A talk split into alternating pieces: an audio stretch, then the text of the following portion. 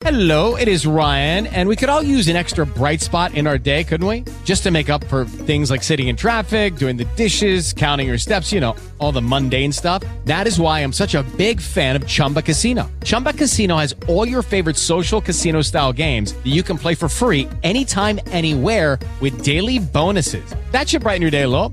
Actually, a lot. So sign up now at chumbacasino.com. That's chumbacasino.com. No purchase necessary. Void were prohibited by law. See terms and conditions. 18 plus. To jest podcast System Trader, odcinek 35.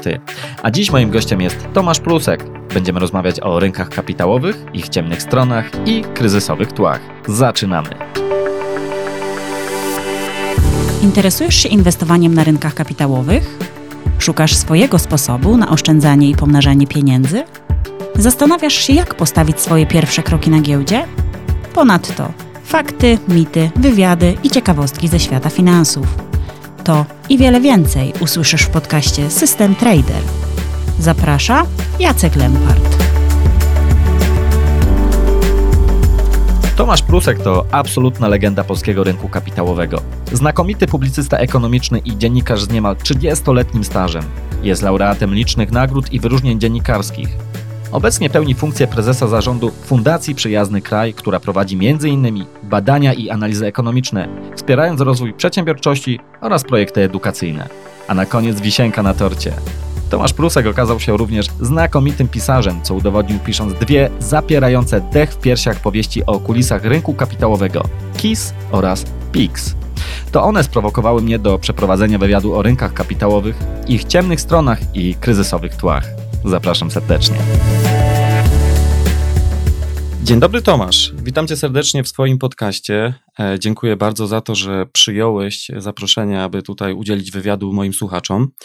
Chciałem dziś z tobą porozmawiać o rynkach kapitałowych, ale też nieco o ich ciemnych stronach, o kryzysowych tłach rynków kapitałowych i również posłużyć się nieco tutaj twoimi powieściami, E, które napisałeś, które są dostępne dla czytelników. E, I pierwsza książka to KISS, druga PIX, o których też będziemy później w szczegółach nieco więcej sobie, e, mam nadzieję, szansę porozmawiać. Ale tak dla porządku, czy mógłbyś się przedstawić, zwłaszcza w kontekście Twoich doświadczeń związanych z rynkami kapitałowymi? Wiem, że jesteś dostępny już od niemalże trzech dekad w tej branży, natomiast dla nieco młodszego pokolenia, gdybyś mógł w kilku słowach przybliżyć swoją osobę. Dzień dobry Państwu, dzień dobry Jacku. E, cieszę się bardzo, że te trzy dekady e, doświadczeń na rynku kapitałowym to jest, e, można powiedzieć, też rodzaj kapitału, który się posiada i którym się trzeba dzielić. To zawsze przyświecało mi, ale zanim ten kapitał zdobyłem, to musiałem się tym rynkiem najpierw zainteresować, musiałem się go nauczyć, a było to i trudne, i łatwe dla, uwaga, humanisty. E, nie skończyłem żadnego kierunku ekonomicznego, mm, nigdy nie studiowałem e, z nauk ściśle ekonomicznych, nie skończyłem żadnych kursów. Natomiast jestem dziennikarzem, politologiem po Uniwersytecie Jagiellońskim, e, ale miałem to niezwykłe szczęście, że kiedy rodził się w Polsce rynek kapitałowy, ja akurat rozpocząłem studia w roku 1990 i zadałem sobie wtedy jedno fundamentalne pytanie: czym się tak naprawdę zająć na początku tych wielkich polskich y, przemian. Y, moi koledzy chcieli zajmować się wielką polityką, a ja postanowiłem zająć się wielką gospodarką. Kiedy myślałem, y, w jakim kierunku, w jakim kierunku moje zainteresowania można, można zadedykować, to wtedy wpadło mi do głowy, że jest bardzo duży rynek, którego w Polsce jeszcze nie ma tak naprawdę. To rynek papierów wartościowych. Pamiętajmy o tym, że przez e, ponad 50 lat giełdy papierów wartościowych e, w Polsce nie było. Skończyła się wraz z e, rozpoczęciem II wojny światowej, a później no, w okresie PRL-u, komunizmu, rynek papierów wartościowych nie istniał. Pojęcie akcji czy obligacji to było coś, co studenci tak naprawdę tylko teoretycznie na studiach e, się uczyli. Ale pomyślałem sobie, że jeżeli mamy być normalnym krajem, z normalną gospodarką, to musimy mieć również normalną giełdę. Był to rok 90, kiedy giełdy jeszcze nie było e, i pomyślałem, że to jest dobry pomysł, aby być z rynkiem od samego początku, aby można powiedzieć, wychować się z tym rynkiem, co jest e, niezwykle e, interesujące, fascynujące i co daje ogromną satysfakcję. I tak związałem się z rynkiem kapitałowym na początku lat 90.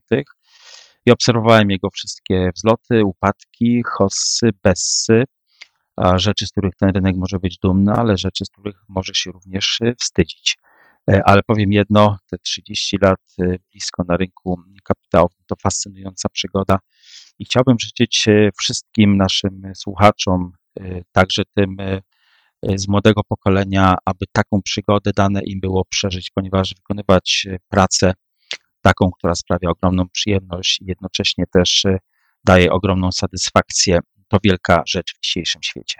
E, Tomasz, przez niemal trzy dekady jesteś, że tak powiem, obecny na rynku kapitałowym, ale głównie w roli dziennikarza. Z tego co wiem, przez lata rezygnowałeś świadomie z inwestowania, aby właśnie nie popadać w konflikt interesów. To znaczy, będąc dziennikarzem, miałeś e, dostęp do poufnych informacji, więc tu był pewien konflikt interesów.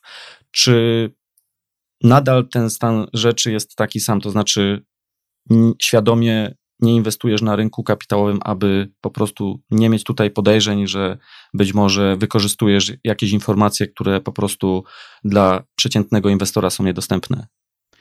Ten stan y, się utrzymuje, nie inwestuję aktywnie na rynku y, kapitałowym, śledzę ten rynek. Natomiast moje, y, moje motywacje, aby zrezygnować z aktywności na giełdzie, co jakieś dwie dekady temu spotkało się ze zdziwieniem wielu moich kolegów, muszę przyznać, ale spowodowane było doświadczeniami, że jednak jako dziennikarz mogę łatwo popaść w konflikt interesów, ponieważ co jest kwintesencją pracy dziennikarskiej? Zdobycie newsa, zdobycie informacji, przekazanie tej informacji, e, a bardzo wiele informacji tak naprawdę kluczowych dla rynku, no to informacje poufne tak naprawdę, które nigdy nie powinny ujrzeć światła dziennego przed oficjalnym komunikatem e, e, giełdowym e, spółki.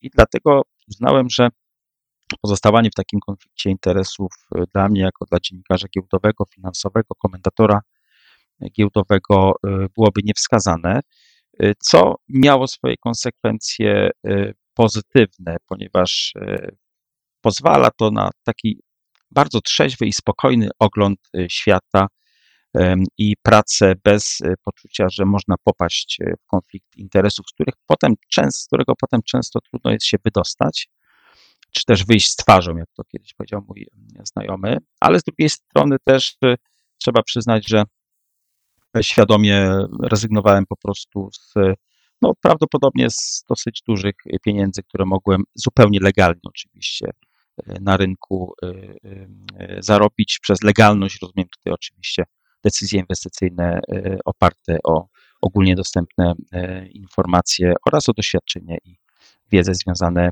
e, z tym rynkiem. Natomiast to, co było na początku lat 90., to był taki moment, kiedy inwestowałem w akcje, ponieważ wtedy no, nie można było poznać tego rynku w zasadzie, będąc, będąc biernym. E, więc e, to było takie połączenie fascynacji rynkiem jako całością oraz tym, e, co na tym rynku można jako inwestor indywidualny, indywidualny zrobić. Dodam tylko, że na pierwszej inwestycji giełdowej straciłem. Jak potem przeczytałem w bardzo poważnych amerykańskich podręcznikach, to jest najlepsze, co może mhm. przytrafić się inwestorowi E, jeżeli straci na pierwszej, na pierwszej spółce, to nabiera pokory wobec rynku. Natomiast jeżeli zarobi, to prawdopodobieństwo, że poniesie go ta wiara w to, że jest wszechmocny i wszystko potrafi, i tak. za każdym razem będzie miał dobre decyzje inwestycyjne, może doprowadzić go kiedyś do katastrofy. Zatem na samym początku mojego indywidualnego inwestowania, jeszcze zanim w ogóle zacząłem pisać o giełdzie, to była strata i tą stratę sobie niezwykle cenię. Czyli mówiąc krótko, nie padłeś ofiarą szczęścia początkującego, co e, później faktycznie e, może rodzić dobre owoce, bo tak to się zdarza często, że jeżeli ktoś jest dzieckiem hossy, to później przychodzi troszkę ten trudniejszy moment. Ja pamiętam taki moment, kiedy kończyła się hossa tuż przed upadkiem Lehman Brothers w 2008 Mhm. roku. Byłem na jednym z takich dużych imprez organizowanych przez, przez środowisko rynku kapitałowego. Rozmawiałem tam z e, zarządzającymi funduszami, e, z młodymi ludźmi, którzy dopiero co weszli e, na rynek, mieli staż roku, dwóch, trzech. I zdałem sobie wtedy sprawę z tego, że oni nigdy nie przeżyli Bessy. Mhm. I tak naprawdę ta hossa, która wtedy trwała od 2003 roku, ona w pewien sposób została tak brutalnie zakończona na rynku polskim i tak długo nie mogliśmy się z niej podnieść, ponieważ e, na e, rynek weszło całe pokolenie zarządzających analityków, którzy nigdy nie stracili, bo w zasadzie nie było okazji do straty nawet. No, rynek szedł tak mocno do przodu, że, że można było tylko, tylko zarabiać, więc, więc zarabiali, ale tym bardziej przebudzenie się w Bessie było bardziej brutalne. No zdecydowanie, rozumiem. Za chwilę wrócimy sobie jeszcze do tematów, do tematów giełdowych, natomiast chciałem jeszcze podpytać Cię o Fundację Przyjazny Kraj, której jesteś prezesem e, zarządu. E, czym się zajmujecie? E, Fundacja Przyjazny Kraj jest powołana przez, przez osoby prywatne związane w dużej mierze z rynkiem kapitałowym. Mamy trzy główne, trzy główne obszary zainteresowań. To jakby z natury rzeczy rynek kapitałowy. Bardzo dużo ostatnio poświęcamy czasu i wysiłku programowi PPK na przykład. Mhm. E, następnie e, rynek pracy, ponieważ jest on absolutnie fascynujący w ostatnich latach e, w Polsce i również ma ogromne znaczenie dla, dla polskich przedsiębiorców, a wspieranie przedsiębiorczości jest jednym z celów statutowych naszej fundacji. A trzeci, trzecie pole zainteresowań to przemysł oraz energetyka. To również jest niezwykle ważny element gospodarki, który ma przełożenie na, na, na kondycję, kondycję polskich y, przedsiębiorstw. Zatem mamy te trzy główne obszary zainteresowań. Jeśli chodzi o taką aktywność operacyjną, to organizujemy panele dyskusyjne, biorę udział w wielu konferencjach jako ekspert, jako moderator. Przygotowujemy też raporty dotyczące tych obszarów, o których powiedziałem. Można się z nimi wszystkimi zapoznać na stronie przyjaznykraj.pl. One są w wersji otwartej, można z nich e, korzystać, oczywiście powołując się na źródło. Polecam, bo jest to naprawdę kopalnia wiedzy. E, rozumiem, dziękuję. E, Tomasz, ponieważ masz ogromne doświadczenie związane z rynkami kapitałowymi, a być może słuchają nas osoby, które dopiero gdzieś są, że tak powiem, na początku swojej kariery, przygody z rynkami kapitałowymi, to żeby ten odcinek miał taki walor edukacyjny, czy mógłbyś w prostych słowach wytłumaczyć, jaką giełdę spełnia rolę e, w gospodarce, e, w jaką rolę spełnia w nowoczesnym kraju? E, giełda przede wszystkim ma służyć alokacji kapitału. To jest takie słowo, które jest słowem kluczem tak naprawdę. Czyli giełda służy, jest jako platforma miejscem, na którym spotyka się kapitał od tych, którzy go posiadają, z potrzebami tych, którzy tego kapitału potrzebują. Zatem e, z jednej strony mamy inwestorów indywidualnych, e, mamy e, przedsiębiorstwa, mamy, mamy tych wszystkich, którzy mogą kapitał dostarczyć. Z drugiej strony mamy spółki, które chcą tego kapitału, aby mogły się dalej rozwijać, aby mogły tworzyć miejsca pracy, aby mogły inwestować. Zatem ta alokacja kapitału jest niezwykle istotna, bo ona też powoduje, że kapitał krąży w gospodarce. Gdybyśmy porównali gospodarkę do takiego zdrowego organizmu, to y, ona jest trochę takim rodzajem y, serca, które napędza krwiobieg tej gospodarki. Taką rolę giełda powinna y, pełnić, co nie znaczy, że zawsze pełni. Ostatnie lata w szczególności to okres, kiedy giełda wypadła, wypadła z, tego, z, te, z tej roli. Mamy najniższą od 2003 roku liczbę e, debiutów e, giełdowych. W zasadzie można powiedzieć, że ta e, podstawowa rola alokacji zamarła w ostatnich latach. Czy to znaczy, że giełda nie ma sensu? Absolutnie nie. To są po prostu momenty, kiedy, kiedy są słabsze, słabsze lata giełdy. Natomiast jeśli chodzi o sens giełdy, to właśnie alokacja kapitału. I druga sprawa, y, ja jestem zwolennikiem y, teorii, że giełda jest jednak mimo wszystko barometrem koniunktury gospodarczej. że to, co widzą, czują, jakie decyzje inwestycyjne podejmują e, inwestorzy, to jest w pewien sposób e, wyprzedzające w stosunku do e, tego, jak zachowa się gospodarka. Czyli najpierw problemy gospodarcze albo prosperity gospodarczą odczuwają, czy też można powiedzieć, rozpoznają inwestorzy giełdowi, zanim stanie się to udziałem konsumentów. Konsumenci tak naprawdę są w następnej e, kolejności. E, oczywiście jest wielka debata zawsze, e, ile, jak długi jest czas takiego wyprzedzenia koniunkturalnego, czy to pozytywnego, czy negatywnego. W latach 90. była teoria, że jest to między 6 a 9, 12 miesięcy, raczej 6 do 9. Mhm. W tej chwili trzeba przyznać, że przez e, gigantyczny rozwój nowych technik e, komunikowania się, usług e, i tego wszystkiego, co związane jest z szeroko rozumianym internetem i szybkością przepływu informacji, to się skróciło i wydaje mi się, że te cykle koniunkturalne, które wyprzedzeniowo rynki rozpoznają, to może być nawet skrócenie do, do 3-2 miesięcy, ponieważ to jest trochę tak, jak E, z fabrykami, które kiedyś szyły e, długie serie, na przykład ubrań, czy produkowały długie serie butów. W tej chwili jest tak, że produkuje się bardzo krótkie serie i bardzo szybko się, bardzo szybko się zmienia asortyment.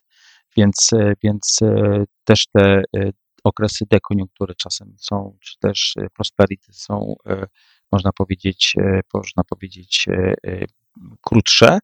Natomiast nie zmienia to faktu, że oczywiście dłuższe, e, dłuższe okresy koniunkturalne rynki akcji są w stanie e, świetnie rozpoznać. To na przykład widać na przykładzie giełd amerykańskich czy zachodnioeuropejskich, ponieważ tutaj ponownie powiem, że giełda polska niestety, ale nie rozpoznaje dobrze koniunktury, która jest od kilku lat, ponieważ jeżeli PKB żre w tempie z grubsza 4%, a indeksy giełdowe, te podstawowe, stają w miejscu i na giełdzie są niskie obroty, mm, to znaczy, że no jest, jest jakiś problem taki, e, który, z którym ten rynek musi sobie poradzić, aby znowu był barometrem gospodarki.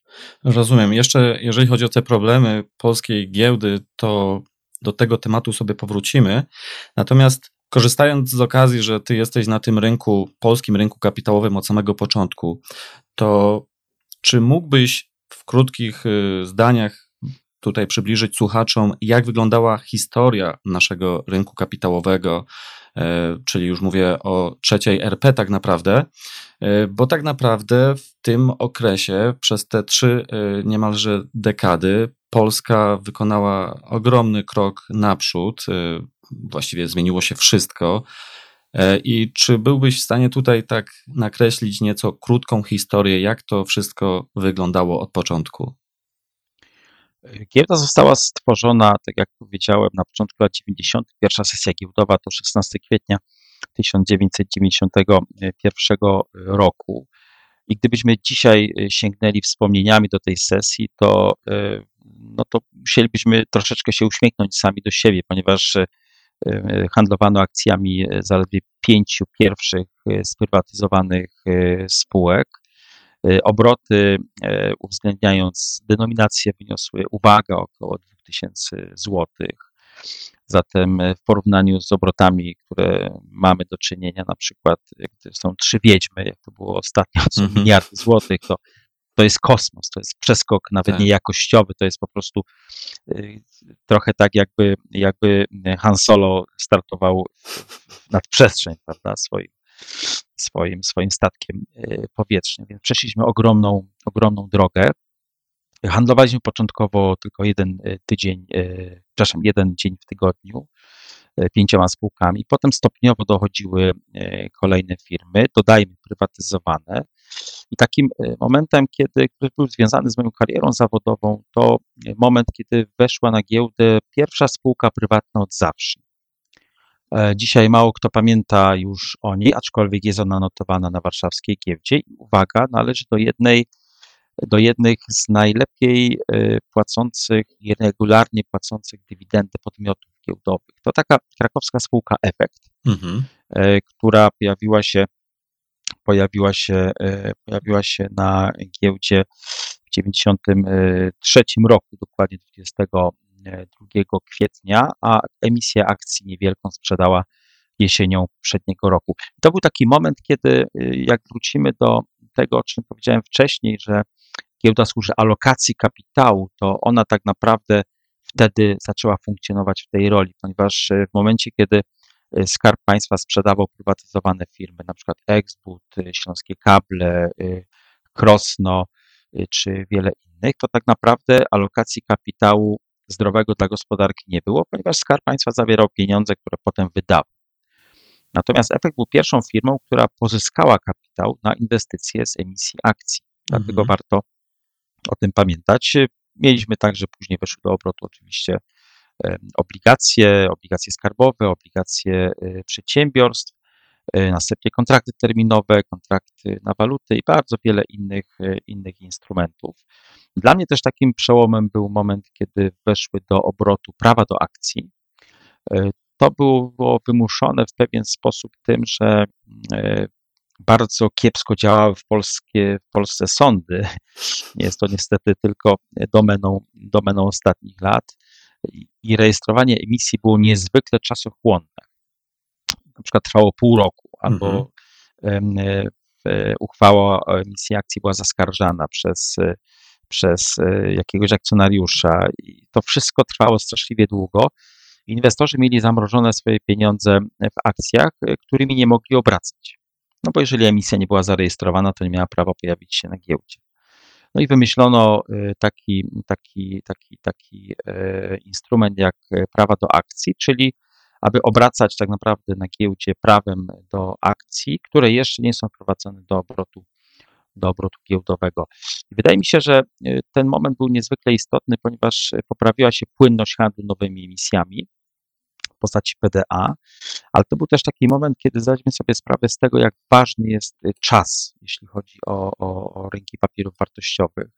Że jeżeli mm, gdzieś mamy przeszkody, nie wiem, administracyjne, sądowne, gdzie rynek jest nieefektywny, to na, po prostu należy coś z tym zrobić, y, aby ten rynek mógł lepiej y, zafunkcjonować. Przeżyliśmy na warszawskiej giełdzie kilka niezwykłych okresów hossy, jak i bardzo głębokiej bessy. Osobiście e, wspominam e, bardzo moment pierwszej, pierwszego krachu giełdowego tak naprawdę e, wiosną 94 roku, kiedy no, to był taki moment, kiedy ja nazywam to dziewiczą hossą, ona mhm. się skończyła bardzo brutalnie. To jak się spojrzy na historię rynków kapitałowych podobnych jak polskie, zawsze przychodzi taki moment, kiedy ta pierwsza euforia związana z masowym inwestowaniem na giełdzie papierów wartościowych jest właśnie przerwana przez hossę. I to jest moment bardzo brutalny dla bardzo wielu setek, w większych krajach niż Polska milionów, milionów inwestorów, ponieważ e, kiedy trwa hossa, e, inwestorzy nie mając, nie wiem, przygotowania, doświadczenia rynkowego są przekonani, że ceny akcji mogą tylko rosnąć umownie i przychodzi taki moment y, prawdy, kiedy dochodzi do krachu i rzeczywiście wtedy okazuje się, że można, można stracić y, fortunę życia inwestując na giełdzie, ale to jest jakby wpisane, wpisane w, y, jakby w charakter rynków kapitałowych i to, że są bessy i hossy, to jest jakby coś zupełnie naturalnego. Wspominam też niezwykle interesującą bessę, czy też krach dotkomowy E, początek, początek naszego, naszego tysiąclecia, gdy okazało się, że po boomie związanym z odkryciem internetu oraz, oraz możliwości, które, e, które daje, no oczywiście świat oszalał na tym punkcie, również giełda e, warszawska. Niezwykłe historie, których byłem świadkiem, pokazywały mi, jak łatwo jest zawładnąć umysłami inwestorów. Wyobraźmy sobie spółkę, która na co dzień produkuje mało skomplikowane produkty w rodzaju butów, na przykład z wtryskarek, mhm. która nagle ogłasza, że nie będzie produkowała już butów, tylko będzie zajmowała się internetem, będzie prowajderem. Nagle wszyscy wierzą, że to będzie znakomity prowajder i akcje, prawda, szybują niezwykle, niezwykle wysoko, albo firma, która zajmuje się e, wodociągami czy jakimiś innymi elementami infrastruktury w, w mieście, nagle oświadcza, że przecież ona może położyć kable światłowodowe czy jakieś inne przesyłające internet w tych swoich studzienka, które posiada i również staje się spółką internetową. Więc to, to był taki moment, kiedy, kiedy istotnie inwestorzy rozpaczliwie wręcz poszukiwali firm, które, które można było uznać przynajmniej za, za firmy mające ambicje internetowe i kursy tych spółek szybowały w górę.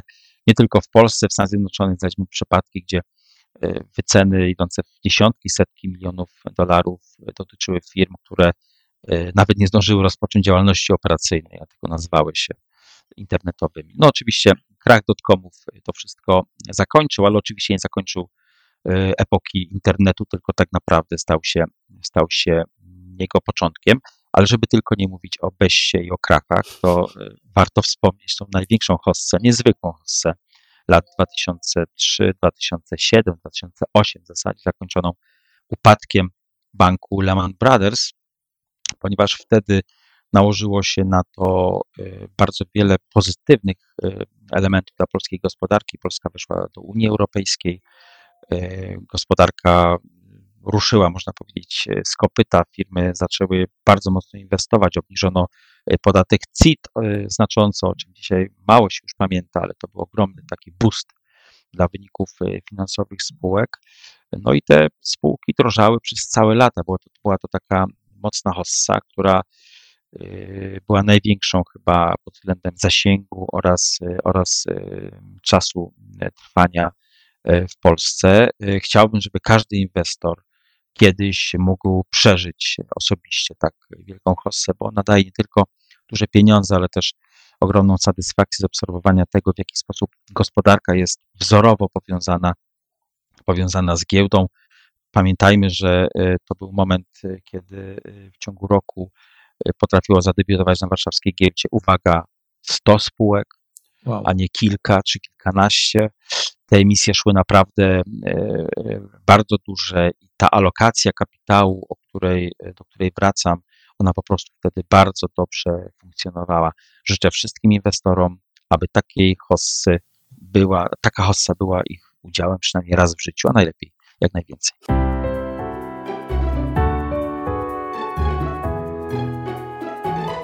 Tomasz, to jak zatem skomentujesz obecną stagnację, jaką mamy na e, naszej giełdzie? Bo jak powiedziałeś, było 100 debiutów w jednym roku, a obecnie mamy bilans debiutów i delistingów de facto najniższy od lat. Obroty również, y, tak, obroty również nie zachwycają.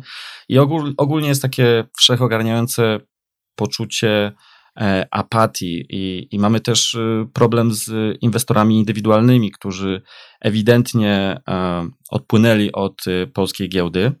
Czy możesz powiedzieć coś o przyczynach tej e, sytuacji i ewentualnie zaproponować jakieś remedium? Odpowiem początkowo słowami Kamila Cypriana Norwida, który kiedyś napisał o Polakach samiśmy się postrzygli w pigmeje i w karły. Mhm. To jest trochę tak, że ta bessa, którą mamy, czy ten, ten marazm na rynku wieloletni, można powiedzieć w tej chwili już używając biblijnego porównania, takie 7 lat chudych, to jest w dużej mierze na własne życzenie niestety. Ale nie oczywiście inwestorów indywidualnych, którzy zawsze byli gotowi. Są naprawdę solą tej ziemi. Ja ich po prostu szanuję i uważam, że jesteśmy fenomenem w skali nadal europejskiej ale ich cierpliwość została też oczywiście na wielką próbę wystawiona, głównie przez polityków. Zauważmy, co się, co się podziało w 2012, 2013, 2014 roku, e, kiedy rynki e, zachodnioeuropejskie, rynki amerykańskie podlewane gigantyczną ilością dodrukowanego pieniądza, rozpoczęły hossę, e, która przebiła to, co stało się tą hossę sprzed upadku Lehman Brothers. A my a my stanęliśmy na boku. Z tego powodu, że politycy postanowili rozmontować OFE, y, bo źle im się w budżecie pewne rzeczy spinały. Zabrano z OFE część obligacyjną. OFE stały się, stały się, tak, stały się z bardzo znaczących graczy na rynku, jeśli chodzi o stronę popytową. No, stały się właśnie takimi karłami. One tak naprawdę były głównie zainteresowane myślały o tym, w jaki sposób e, zapewnić e, pieniądze tak zwanego suwaka, czyli musiały więcej, więcej generalnie sprzedawać niż kupować, a kapitał zagraniczny, który nie widzi partnera w kapitale lokalnym na rynku, po prostu taki kraj omija. I to, że gospodarka jest, e, rośnie rzędu 4 na 5%, e, nie ma dużego znaczenia. Taki marazm, który trwa przez e, wiele lat, jest również bardzo bolesny dla portfeli inwestorów indywidualnych. Bardzo trudno jest zarobić na rynku, gdzie jest bardzo niska zmienność. Bo jeżeli ta zmienność jest duża, to można zarobić zarówno na wzrostach cen, jak i na spadkach oczywiście. Do tego są przecież instrumenty finansowe. Natomiast kiedy mamy, nie mamy zmienności, no to inwestowanie na giełdzie staje się naprawdę, naprawdę e, problematyczne. To, co nas ratuje, ratowało w dużej mierze, to są dywidendy.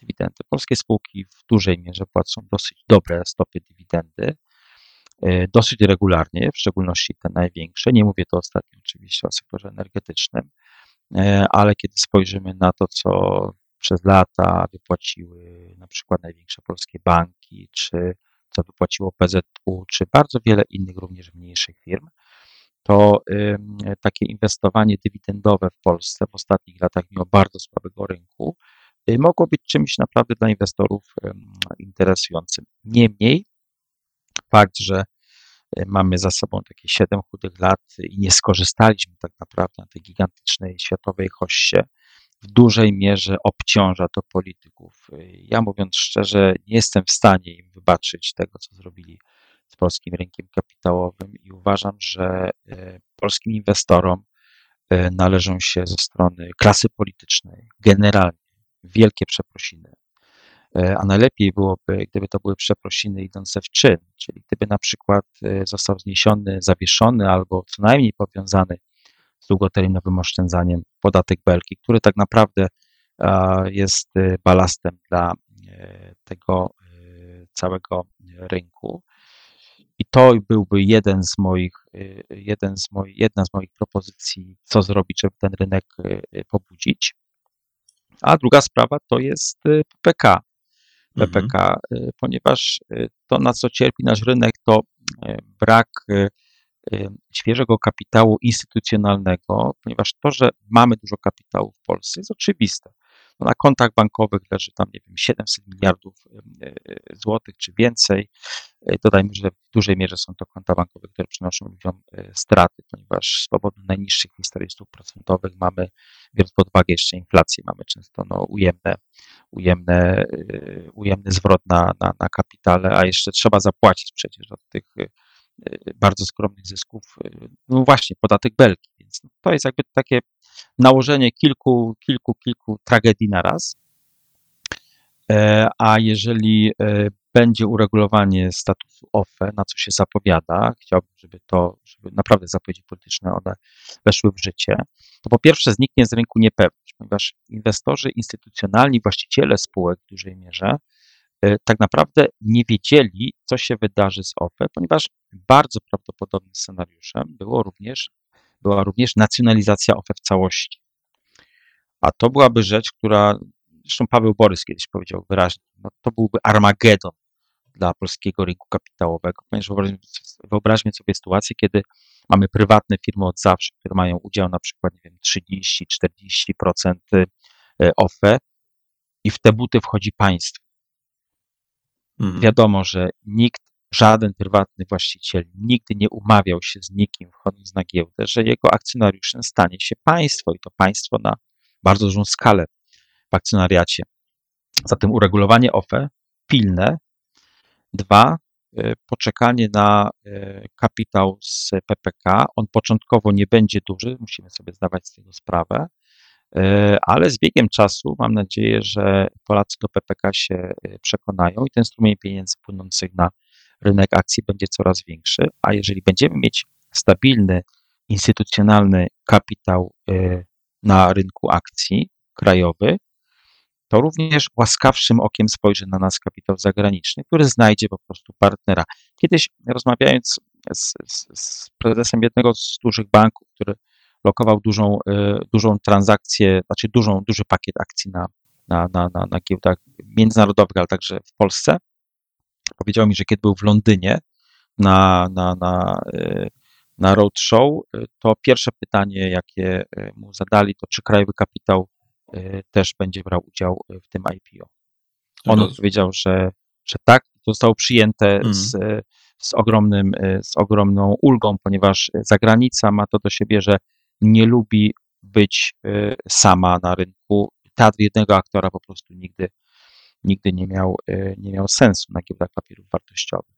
Zatem te trzy rzeczy y, wydaje mi się, że jeżeli zostaną y, uporządkowane, czyli idąc po kolei podatek Belki, dwa, sprawa przyszłości OFE oraz sukces programu PPK, to nasza giełda wydaje mi się, że ma szansę na to, aby po siedmiu latach chudych nastąpiło 7 lat tłustych. Aczkolwiek oczywiście musimy sobie zdawać sprawę z tego, że zależymy dużej mierze jednak od tego, co dzieje się na rynkach międzynarodowych, od sytuacji geopolitycznej.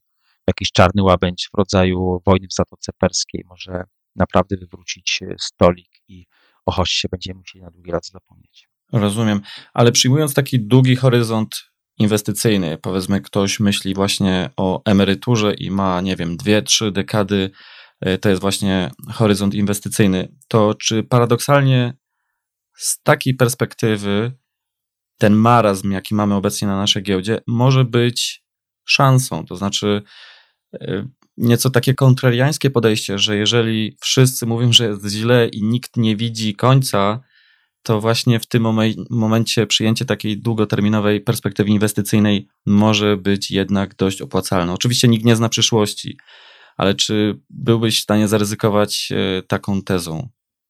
No kiedy nie kupować, jak wtedy, kiedy jest tanio? Mhm. To jest odpowiedź, e, a to, że mamy tanio, e, to mówią nam nie tylko analitycy, ale również proszę zobaczyć, co dzieje się z wezwaniami na spółki na warszawskiej giełdzie. Mhm. Gdyby nie było tanio, gdyby te wyceny nie były zaniżone względem wycen innych spółek porówna, e, porównawczych, etc., innych rynków, to czy inwestorzy strategiczni polskich przedsiębiorstw notowanych na giełdzie ryzykowaliby wykładanie dziesiątek, setek, a czasem nawet, uwaga, miliardów złotych, aby skupić akcje i wycofać spółki e, z giełdy? Nie. Oni właśnie uważają, że wyceny są niskie, więc dopóki są niskie, to warto ogłaszać wezwania. Zauważmy, co dzieje się na niektórych firmach, gdzie są ogłaszane wezwania, a później są podnoszone ceny wezwania. Mhm. To jest bardzo symptomatyczne, ponieważ to oznacza, że tak naprawdę e, pierwsza cena w wezwaniu jest ceną, nazwijmy to, przyklejoną do niskiej wyceny, a później wszyscy się budzą i mówią: Halo, ale ta spółka jest warta dużo więcej, a ma niską wycenę, bo ma niską płynność, bo, bo jest marazm na rynku, etc. Ale jeżeli inwestor chce zdjąć spółkę z giełdy, no to nie, musi zapłacić e, wycenę zbliżoną do wyceny rynkowej, albo najlepiej jeszcze z premią. Więc e, jeżeli kupować, to kupować nie wtedy, kiedy jest bardzo drogo, ale wtedy, kiedy jest e, tanio, kiedy te wyceny są e, zaniżone. W zeszłym roku chyba usłyszałem z ust jednego wiceprezesów warszawskiej giełdy, że przynajmniej jeśli chodzi o te największe spółki, to, to, to te wyceny zaniżone są w stosunku do, do wycen europejskich czy, czy, czy z rynków rozwiniętych, a według FTSE Russell jesteśmy rynkiem już dojrzałym e, około 40%, więc to nam daje też poczucie, poczucie skali, e, no, która może, która, która jest taką luką, można powiedzieć, w wycenach między, między rynkiem polskim a rynkami zagranicznymi, no, które w ostatnich latach przeżywają ogromną hossę, na którą warszawski parkiet się niestety, ale nie załapał. E, Dziś wielu młodych inwestorów zaczyna swoją przygodę inwestycyjną z rynkami pozagiełdowymi, nieregulowanymi rynkami, e, rynkiem Forex na przykład. Czy myślisz, że to jest właśnie też poniekąd pokłosie tej sytuacji, jaką mamy teraz na GPW? E, Obserwowałem zainteresowanie, ten skok zainteresowania Forexem rzeczywiście e, w okresie, kiedy mówiło się o tym, że nie ma na znaczy nie tyle mówiło się, co na rynku nie było zmienności. I zainteresowanie Forexem y, to była w dużej mierze odpowiedź, przynajmniej części inwestorów, na to, że na rynku papierów wartościowych, tym nazwijmy go klasycznym, y, była niska zmienność, nie dało się zarobić, a na Forexie, przynajmniej potencjalnie, zmienność y, była większa. Kwestia efektu dźwigni, oczywiście, i szanse na, na zysk teoretycznie przynajmniej e, większe ale jak się okazuje, jak wynika z e, opracowań Komisji Nadzoru Finansowego, no jednak większość inwestorów zdecydowana na rynku Forex e, przegrywa. Komisja Nadzoru Finansowego co pewien czas, przynajmniej tak było w poprzednich latach, publikowała takie zestawienie, ile, ile proporcjonalnie inwestorów traciło na tym rynku. E, niemniej e, zainteresowanie tym rynkiem rzeczywiście było, było bardzo, e, bardzo duże, również wśród młodszych inwestorów. Natomiast wydaje mi się, że szanse na to, aby na wielu platformach inwestorzy odnieśli jakiś spektakularny sukces, raczej były, raczej były niewielkie, bo zawsze zadaję sobie pytanie, z kim tak naprawdę inwestor na rynku forexowym gra czy gra z rynkiem walutowym, czy gra z mhm. algorytmem, który jest y, w platformie. Dokładnie. W platformie forexowej. Bo jeżeli za, za algorytmem, to raczej szanse na wygranie są y, zerowe, a jeżeli z rynkiem, to oczywiście może przewidzieć mhm. na przykład y, wzrost czy upadek dolara i zarobić na tym dzięki dźwigni finansowej ogromne pieniądze. Ta fascynacja Forexem, później oczywiście, oczywiście kryptowalutami. To dla mnie są tak naprawdę takie momenty, które też e, mówią o tym, że inwestorzy poszukują nowych e, form inwestowania. E, często wydaje im się, że są w stanie zarobić na, na innej platformie niż platforma giełdowa dużo dużo, dużo większe e, pieniądze. Niemniej to jest też chyba też element takiej mody. Zauważmy, że raczej platformy forexowe, o których kilka lat temu było niezwykle e, głośno, jest o nich teraz już ciszej. Jeśli chodzi o platformy kryptowalutowe, no jest o nich teraz głośno, tak, z powodów no, których byśmy się chcieli wstydzić obecnie mhm. E, w Polsce w dużej mierze, e, ale, e, ale ten moment takiego chyba największego zainteresowania w tej chwili już zarówno Forexem, jak i, jak i platformami kryptowalutowymi jest za nami. Pytanie, jak to się będzie oczywiście rozwijało, rozwijało dalej. Natomiast nazwijmy to standardowe, klasyczne rynki akcji, one oczywiście dalej funkcjonują, aczkolwiek inwestorzy poszukują rzeczywiście e, nowych instrumentów, e, poszukują e, ich nie tylko na rynkach akcji, obligacji, poszukują ich na rynkach towarowych. Uważam, że tak naprawdę rynki towarowe to jest coś, co w tej chwili już ma większy wpływ na to, co dzieje się w światowych gospodarkach, niż tak naprawdę rynki akcji. Zatem tak naprawdę to trochę można porównać inwestora, nie tylko indywidualnego, ale także instytucjonalnego, do takiego malarza, który ma przed sobą paletę e, z bardzo wieloma kolorami tylko od niego zależy, jaki kolor wybierze oraz to, jakiej wartości będzie obraz, który namaluje. E, Tomasz, jesteś autorem dwóch świetnych powieści. Pierwsza nosi tytuł Kiss, druga Pigs. E, I przede wszystkim gratuluję świetnych książek, bo naprawdę czyta się je dosłownie jednym tchem, więc absolutnie każdego zachęcam, aby sięgnąć po, sięgnąć po Twoje książki. Ale ponieważ część słuchaczy może nie jest na tyle doświadczona jeszcze na rynku, że mogą sobie zadać pytanie, skąd w ogóle takie tytuły tych książek? KISS oraz PIX, jeszcze dodam tutaj, że pisane przez dwie literki I. Czy mógłbyś tutaj pokrótce wytłumaczyć, skąd właśnie tak tajemniczo brzmiące tytuły Twoich książek? A KISS to jest e, akronim od e, Keep it simple, stupid, czyli bierz to prosto, głupcze, nie komplikuj sprawy ponad miarę, nie dziel włosa na czworo. To jest taki akronim, którym posługują się zarządzający czy analitycy londyńskim City. Przynajmniej tak było w latach 90. i późniejszych. Być może dzisiaj sztuczna inteligencja pojęcia KIS nie zrozumie albo zrozumie zbyt dosłownie, e, tak jak czasem się zdarza. Rzeczywiście mm -hmm. doświadczeni inwestorzy uważ, zastanawiają się, co może oznaczać KIS i przychodzi do głowy tylko, e, nazwijmy to, standardowe e, znaczenie.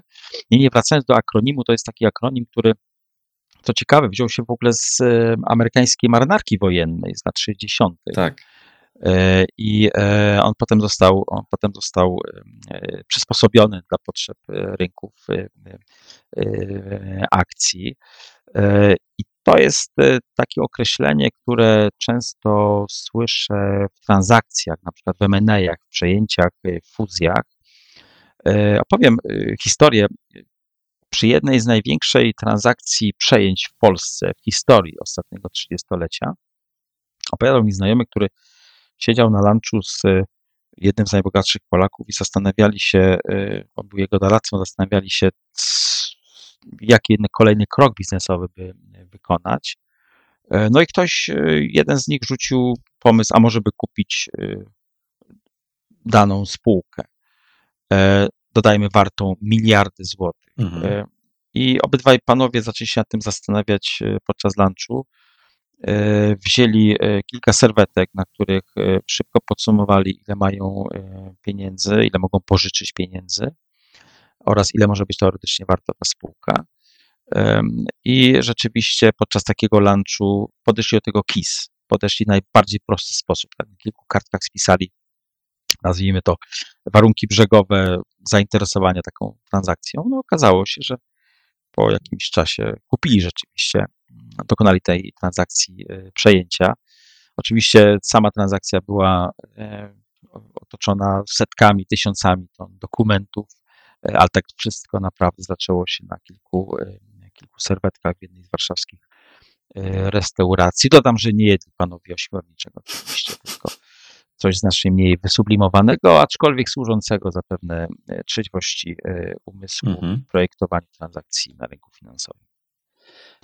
E, więc to jest, to jest KIS. Podobno KIS w tyle głowy powinien mieć każdy mhm. menadżer, każdy zarządzający, bo jeżeli czasem są transakcje niezwykle skomplikowane, to zniechęcenie obydwu stron do zawarcia tej transakcji jest już tak duże, że w zasadzie obydwie strony chcą się rozejść.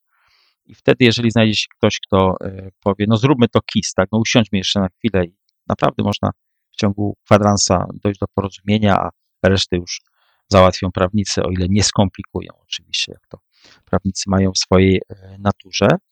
E, druga książka to PIX, też akronim, kiedy problemy finansowe popadła Grecja, kiedy rozpoczął się kryzys w strefie euro.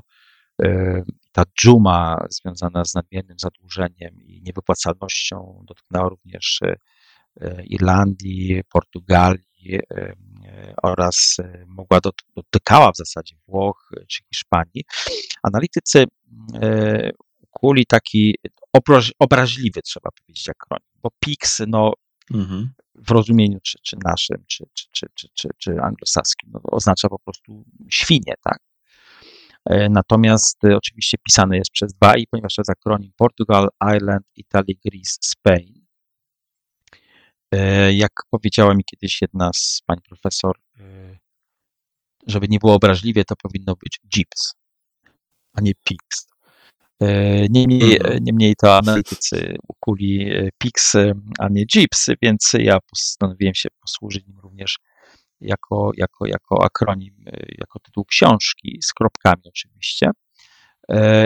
I to jest, to jest z kolei akronim, który pokazuje nam, pokazuje nam takie laboratorium państw, które, które popadły w problemy z wypłacalnością. No wiadomo, Grecja faktycznie zbankrutowała.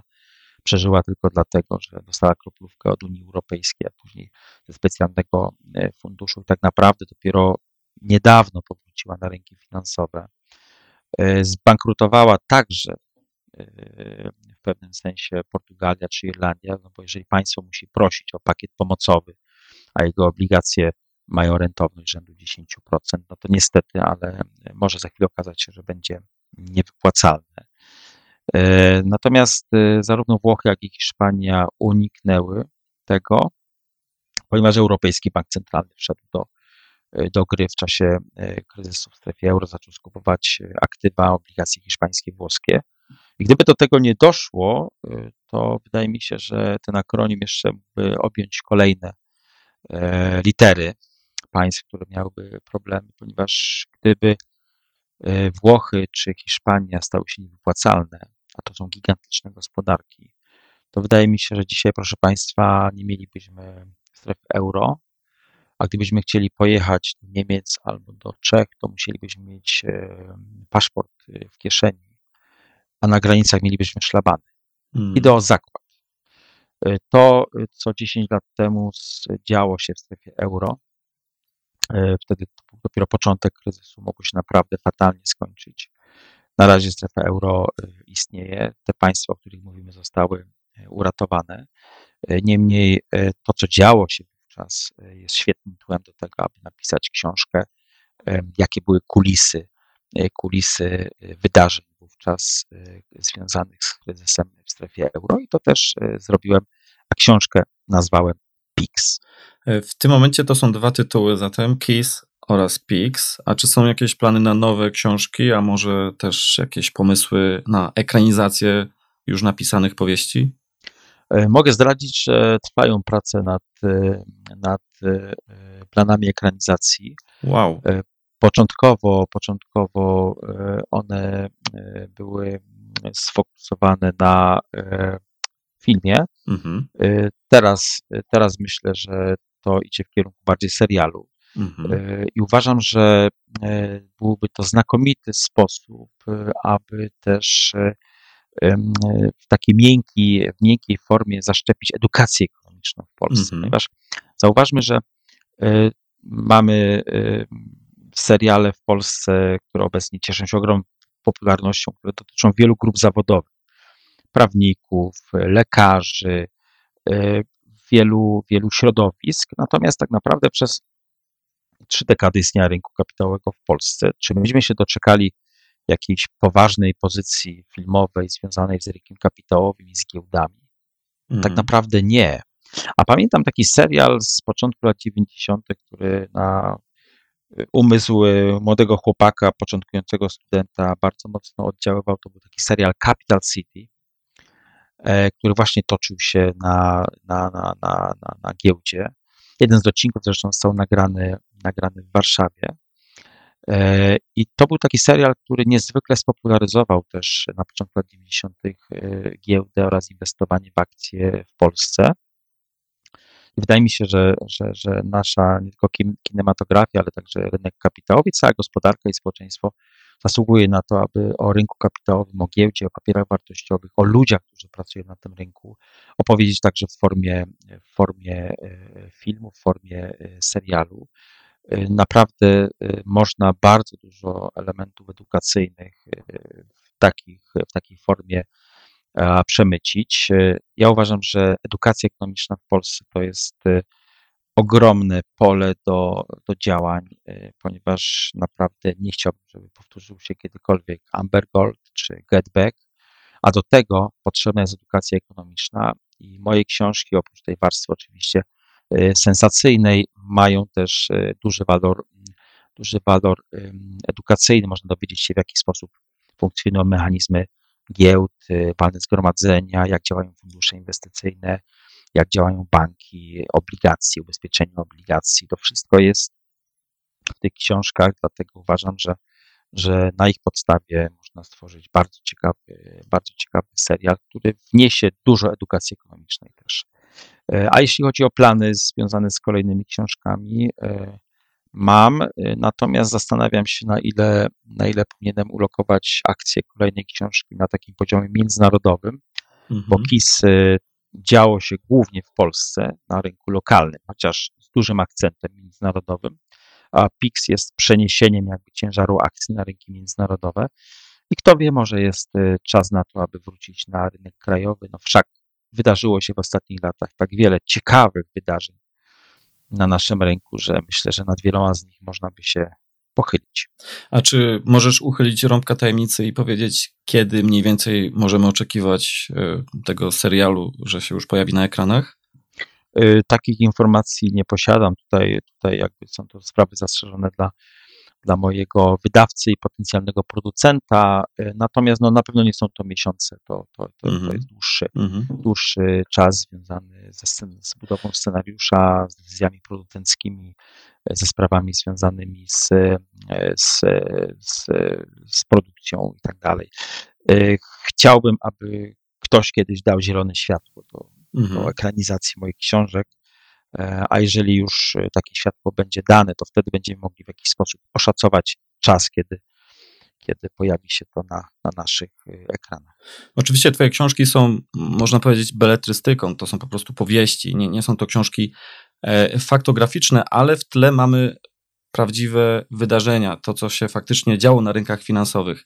Ale czy te zakulisowe sytuacje, jakie opisujesz e, w swoich książkach, może tutaj bardziej uderzę w KIS, który opisuje powiedzmy realia polskiej giełdy, to czy takie sytuacje, jakie tam opisujesz, jakie mają miejsca na przykład na walnych zgromadzeniach, czy to faktycznie z, twojej, z Twojego doświadczenia dziennikarskiego faktycznie ma miejsce? To jest beletrystyka, więc to jest fikcja literacka. E, Zatem ja nie opisuję wydarzeń na konkretnych walnych zgromadzeniach, czy nie opisuję konkretnych e, osób. Natomiast e, z moich doświadczeń życiowych, rynkowych wynika, że prawdopodobieństwo, iż tak właśnie przedstawiały się wydarzenia w jakichś spółkach albo konkretne osoby działały, jest dosyć wysokie. E, Natomiast, e, natomiast e, to, że, to, że jest to fikcja literacka, nie zmienia faktu, że pokazuje pewne mechanizmy, które istnieją na rynku, które istnieją na walnych zgromadzeniach, walki między akcjonariuszami o władzę. No, z tym się spotykamy na co dzień w spółkach giełdowych. Ja osobiście byłem na o, chyba grubo ponad setce walnych zgromadzeń spółek giełdowych jako dziennikarz i naprawdę widziałem e, e, rzeczy, e, które, które no, były niezwykle interesujące. Tę grę interesów, e, przeciąganie, e, przeciąganie e, stronników na swoją stronę w głosowaniach, e, następnie sztuczki prawne stosowane przez przewodniczących walnych zgromadzeń, czy też e, e, prawników, e, żeby ograć drugą stronę na przykład. To były rzeczy, które oddziaływały na moją wyobraźnię. E, I ja je porównuję często do takich puzli, które nosiłem w głowie rozsypane. I pisząc książkę, postanowiłem puzzle z wielu walnych zgromadzeń, czy z moich rozmów z ludźmi z rynku kapitałowego ułożyć po prostu w jeden, w jed- w jedną całość i tak powstała książka.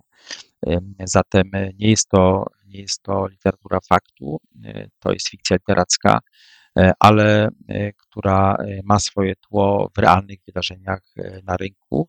To też powoduje, że jest to interesujące, ponieważ pamiętajmy o tym, że, że e, tak naprawdę czytelnika nie interesuje to, co jest oczywiste i Mhm. wiadome, ale interesuje go to, co jest pod spodem, kulisy, e, coś, co powinno być zawsze, powinno pozostać ukryte przed e, e, oczami postronnych obserwatorów, inwestorów e, giełdowych, a tak naprawdę chcieliby poznać, e, jaka jest e, prawda, bo być może kiedyś pojadą na walne zgromadzenie i z czymś takim się właśnie zetkną.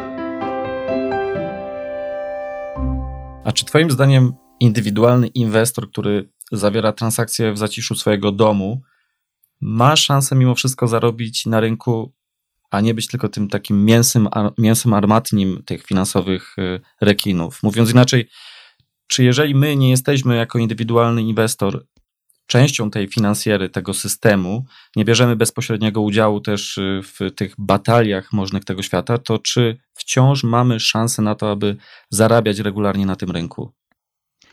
Myślę, że e, drobny inwestor ma takie szanse, a im więcej ma wiedzy i doświadczenia rynkowego, tym te szanse rosną. E, Ktoś e, powie, że no przecież nie mieliśmy w ostatnich latach e, bez, pod warunkiem, że mieliśmy akcję przykład Mhm. CD Projektu czy, czy Eleven Beat Studio i można było wtedy naprawdę zarobić ogromne pieniądze. Natomiast są takie momenty rzeczywiście, kiedy do gry wchodzą ci wielcy gracze, nazwijmy to umownie. Spotykam się często z określeniem w środowisku finansowym, kiedy do gry wchodzi grubas albo gruby palu, Mhm. czyli tego, który tak naprawdę, za którym stoją miliardy, nie wiem, złotych, dolarów, czegokolwiek, który, przy którym rzeczywiście działania pojedynczych inwestorów no, nie mają już żadnego absolutnie znaczenia.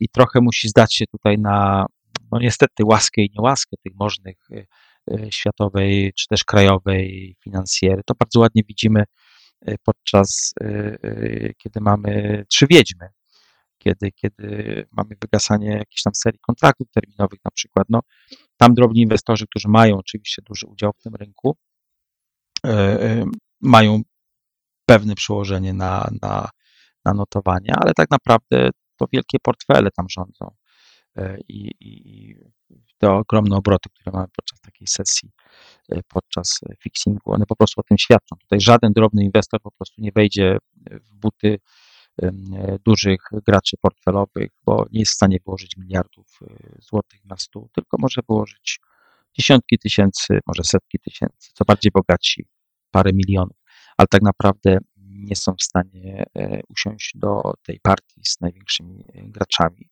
Bo taki już jest charakter rynków e, kapitałowych, że ten, kto ma większy kapitał, ma większy wpływ na rynek.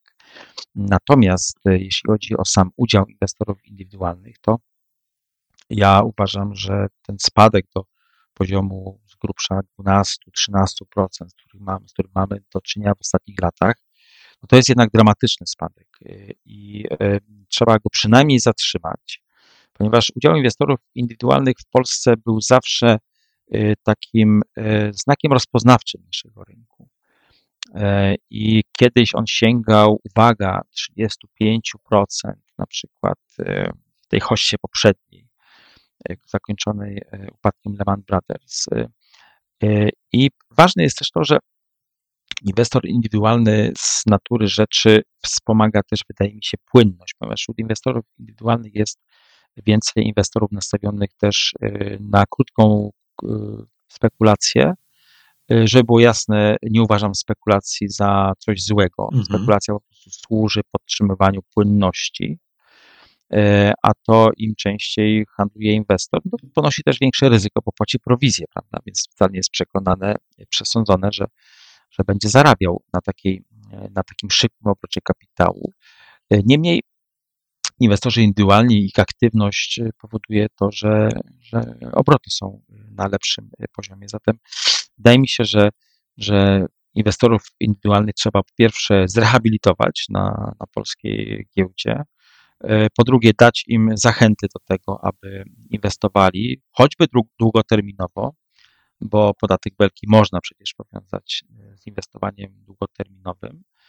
E, I trzeba też pamiętać o tym, że to jest inwestor, którego po prostu trzeba szanować. Szanować jako inwestora mniejszościowego przez inwestorów strategicznych na przykład. I tutaj nie myślę tylko o inwestorach prywatnych, którzy którzy e, depczą interesy inwestorów indywidualnych, ale myślę także o inwestorze państwowym, który w wielu spółkach, w szczególności spółkach sektora energetycznego, niestety, ale inwestorów mniejszościowych, nie tylko inwestorów instytucjonalnych, ale także no, takich zwykłych, kowalskich, traktuje jak piąte koło uwozu i tak naprawdę w ogóle nie przejmuje się tym, czy robi coś wbrew interesom, bo uważa, że skoro ma większość na walnym, to to przecież on rządzi. Nie na tym polega corporate governance, nie na tym polega poszanowanie inwestorów indywidualnych. W ten sposób można zbudować rynek kapitałowy, który będzie na pustyni, ponieważ jeżeli nie będzie inwestorów indywidualnych, to będą instytucje, które z natury rzeczy mniej spekulują, które bardziej trzymają e, większe, e, większe pakiety. No a kiedy nie ma płynności, niestety, no to rynek y, zamiera. Z tym mamy do czynienia, do czynienia u nas w ostatnich latach. To obroty rzędu tam, nie wiem, 500-600 milionów y, złotych na sesję, no to jest po prostu bardzo mało. My powinniśmy mieć przy wielkości naszego rynku znacznie większe obroty i wydaje mi się, że y, przesunięcie chociaż części kapitału, który posiadają inwestorzy indywidualni nadal, a posiadają go dosyć dużo z bardziej, z bardziej bezpiecznych czy też zachowawczych form inwestowania. Mam tu na myśli fundusze obligacji czy fundusze rynku pieniężnego, gdzie są ogromne pieniądze. E, spowodowałoby to, że płynność obrotu by wzrosła i szanse na to, że na giełdzie da się zarobić, również poszłyby wtedy w górę. Zatem uważam, że inwestorzy indywidualni mają ogromną rolę na rynku, ale niestety przez ostatnie lata nie byli dobrze traktowani. Zatem trzeba te relacje rynku z inwestorami indywidualnymi po prostu naprawić, a inwestorzy indywidualni odpłacą się własnymi pieniędzmi, własnym kapitałem, który na ten rynek, ufam, znowu przyniosą. Wspomniałeś też ciekawą sytuację tutaj, mówiąc o spekulantach, czy o też powiedzmy inwestorach krótkoterminowych, którzy, jeśli dobrze zrozumiałem, mają swoją rolę do spełnienia w tym całym, powiedzmy, finansowym ekosystemie, czyli to nie jest tak, jak się powszechnie sądzi, zwłaszcza w kręgach, które nie mają wielkiego pojęcia o rynkach finansowych, że spekulanci... Głównie politycy, tak. Tak, to są właśnie ci źli, to są ci, którzy powodują kryzysy finansowe i generalnie nawet samo słowo spekulant ma taki wydźwięk, powiedziałbym, pejoratywny, a tu okazuje się, że jednak spekulant ma swoją pożyteczną rolę do spełnienia w całym tym finansowym ekosystemie. A y, czy uważasz, że wielkie pieniądze z definicji, i to bez względu na regulacje prawne e, i bez względu na cokolwiek, będą zawsze źródłem, e, mówiąc tak zupełnie wprost, chwytów poniżej pasa, nieczystej gry. E, I po prostu niejako jest to wpisane w naszą ludzką naturę. Uważam, że tam im większe pieniądze, tym większe ryzyko fraudów, ryzyko fauli, ryzyko przestępstw na rynku kapitałowym. I to jest niestety związane w sposób jakby taki naturalny z tym rynkiem, bo tam, gdzie są duże pieniądze, to zawsze jest pokusa, żeby e, zachować się w sposób nie fair, żeby, mm, no mówiąc wprost, y, dokonać przestępstwa. E, ale rolą nadzoru finansowego jest to, aby takie, takie prawdopodobieństwo było e, minimalizowane, a tam, gdzie już do tego dojdzie, aby ci, którzy Y, dokonali takich okropnych rzeczy, po prostu za to ponieśli y, odpowiedzialność. Bardzo dużo emocji w ostatnim czasie w Polsce w środowisku inwestorów giełdowych wzbudził Getback. Mhm. I spotkałem się z wieloma opiniami, jak to się mogło wydarzyć w Polsce na taką skalę. Przecież to świadczy o tym, że jesteśmy jakimś takim rynkiem, no, no, gdzie, gdzie no, takie rzeczy się zdarzają, jakbyśmy byli rynkiem takim jak rynek amerykański czy, czy, czy, czy niemiecki, to by się to nie zdarzyło. Proszę Państwa, to się zdarza na całym świecie. My nie jesteśmy żadnym wyjątkiem pod tym względem, a dla mnie takim getbackiem tak naprawdę e, amerykańskim to była słynna spółka WorldCom mhm. telekomunikacyjna. Przypomnę, 2001-2002 rok, e, kreatywna księgowość. I duże podobieństwa, warto o tym powiedzieć, e, między, między e, takim schematem, który był, jeśli chodzi o WorldCom i Getback. Mianowicie e, WorldCom w 2001 roku sprzedał największą w historii globalnych rynków emisję obligacji prywatnej firmy, wartej, uwaga, 11,5 miliarda dolarów. Wśród mhm. sprzedawców były największe światowe banki inwestycyjne ekstra klasy. Mieli świetne ratingi, mieli świetne rekomendacje. Na problem był taki, że rok później w WorldComu nie było. Rozumiem.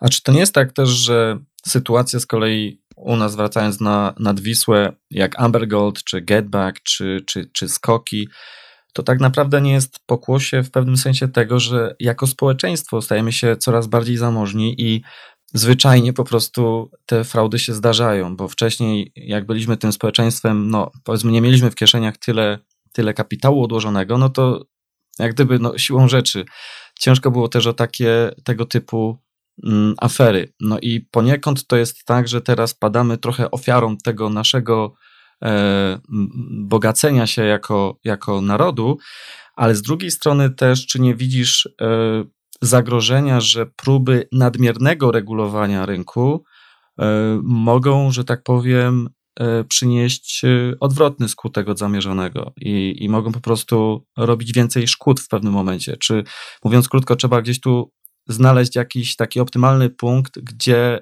z tymi regulacjami jednak powinniśmy poprzestać. I mówię tutaj trochę też pod kątem Unii Europejskiej, która też ma takie swoje, powiedziałbym delikatnie, zapędy w tą stronę, aby starać się wszystko regulować. Jak ty to widzisz ze swojej perspektywy? Mm, Unia Europejska już dawno przekroczyła y, cienką czerwoną linię, jeśli chodzi o regulację rynków finansowych. Y, Uważam, że rynki są przeregulowane w Unii Europejskiej.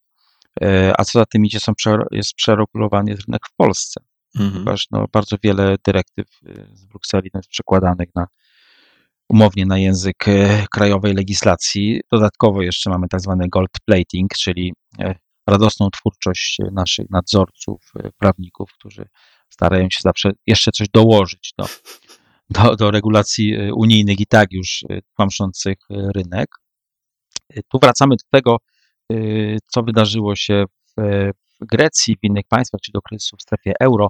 Pamiętajmy, że politycy wtedy uznali, że jest za mało regulacji Mhm. że to spekulanci, prawda, że to krótka naga y, że krótka y, y, sprzedaż, czy też, y, czy też y, y, nagie CDS-y, Mhm. to jest wszelkie zło i trzeba tylko wyplenić, to będzie piękny, y, cudowny świat. No oczywiście tak się, tak się nie stało. I to jest trochę tak, że ten nadmiar regulacji oczywiście dusi te rynki i uważam, że to jest y, jeden z największych problemów, z jakim musimy się uporać w Europie, nie tylko w Polsce. Po to, że w strategii rozwoju rynku kapitałowego jednym z y, takich podstawowych działań to było właśnie e, e, przeciwstawienie się te- tej nadregulacji, temu gold platingowi. O tyle też w Unii Europejskiej musi być świadomość tego, że no, tak dalej być nie może, bo te rynki papierów wartościowych, rynki kapitałowe zostaną, no, zostaną, zostaną taki gorset, że w Europie, że handel się będzie przenosił na alternatywne platformy e, w jakichkolwiek innych częściach e, świata. No, w tej chwili już trudno mówić nawet o ulokowaniu takich platform, bo one po prostu fruwają gdzieś tam, mówiąc umownie, w powietrzu. E, Natomiast, e, natomiast co do bogacenia się społeczeństwa, e, oczywiście im większe mamy pieniądze, tym większe są e, fraudy i większe ryzyko, że skala następnych nadużyć na rynku będzie większa. Mówiąc bardzo brutalnie, e, ludzi musiało być stać na to, żeby kupili obligacje firmy windykacyjnej za 3 miliardy złotych. Mhm. Bo gdyby nie mieli tych pieniędzy, to by tego nie kupili. Gdyby ci doradcy, którzy, e, no podejrzewam, ale to oczywiście udowodni sąd, że, e, że wprowadzali ich w błąd w mis-sellingu, no oni wiedzieli, że ci ich klienci mają te pieniądze, że się wzbogacili, że mają dużo wolnych środków. Dlatego też oferowali tego typu, tego typu instrumenty. Zatem e, im jesteśmy bardziej bogatszym społeczeństwem, a bogacimy się, i to jest fakt e, bezsprzeczny, e, to e, będziemy mieć większe możliwości, czy większe ryzyko tego, że kolejne afery finansowe, a one będą, będą większe niż getback. Ja kiedyś sprawiłem zdumienie uczestników jednej z dużych konferencji na temat ładu korporacyjnego, kiedy powiedziałem, że jeżeli wam się wydaje, że getback to jest największe, co się w Polsce wydarzyło, to się mylicie. Mhm. To jest kwestia czasu tylko. Czasu, kiedy będziemy mieć aferę na, nie wiem, 5, 7 miliardów y, złotych, może 10. Zobaczymy. Mhm. Kiedyś w Ameryce było nie do pomyślenia, żeby ktoś e, przekręcił rynki finansowe na 11,5 miliarda e, dolarów, jak e, zrobił to WorldCom, a jednak się stało. Więc skoro stało się to w Ameryce, to myślę, że u nas również się może stać, a będzie to w dużej mierze też pochodną, pochodną bogacenia się społeczeństwa. Tym większe znaczenie ma dobry, sprawny nadzór finansowy. Do tego wracam po raz kolejny, gdyż e, wydaje mi się, że oczywiście nikt nie e, zapobiegnie 100% e, przekrętów na rynkach finansowych, ale wydaje mi się, że z dobrym nadzorem finansowym można ograniczyć tą skalę naprawdę do marginesu. A jeżeli będziemy rynkiem, na którym inwestorzy będą czuć się bezpiecznie, aczkolwiek od czasu do czasu będą działy się na pewno e, rzeczy, rzeczy przykre i przynoszące straty inwestorom, e, to będziemy uznawani za rynek, który dobrze działa. Natomiast e, gdyby okazało się, że, że tego typu przestępstw na rynku kapitałowych, jeszcze dodatkowo nieukaranych, przybywa, no to inwestorzy, szczególnie indywidualni, będą głosować nogami, po prostu będą wycofywać swój kapitał z tego rynku.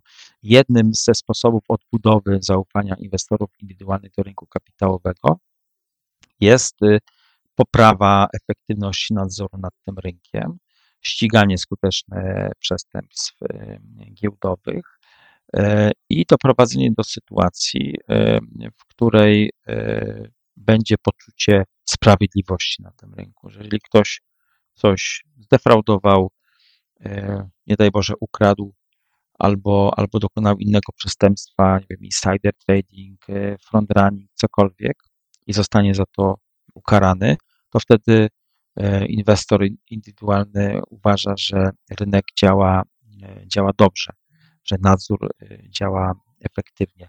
Inwestorów indywidualnych bardzo bolą przykłady wielokrotne z historii polskiej giełdy, kiedy okazywało się, że, że z wielkiej chmury był mały deszcz i tak naprawdę na koniec dnia nie było ani pieniędzy, ani winnych y, y, pewnych, y, pewnych no, skandali finansowych na tym rynku.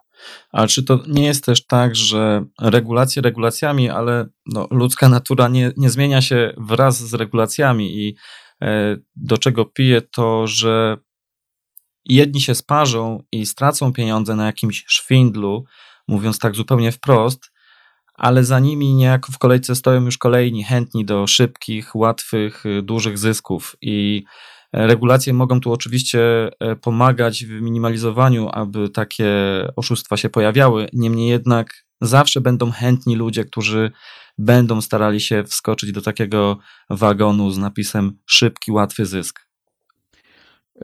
Jeden z e, myślicieli powiedział kiedyś takie zdanie, że ludzkości zawsze y, zagraża niedobór wody i nadmiar idiotów.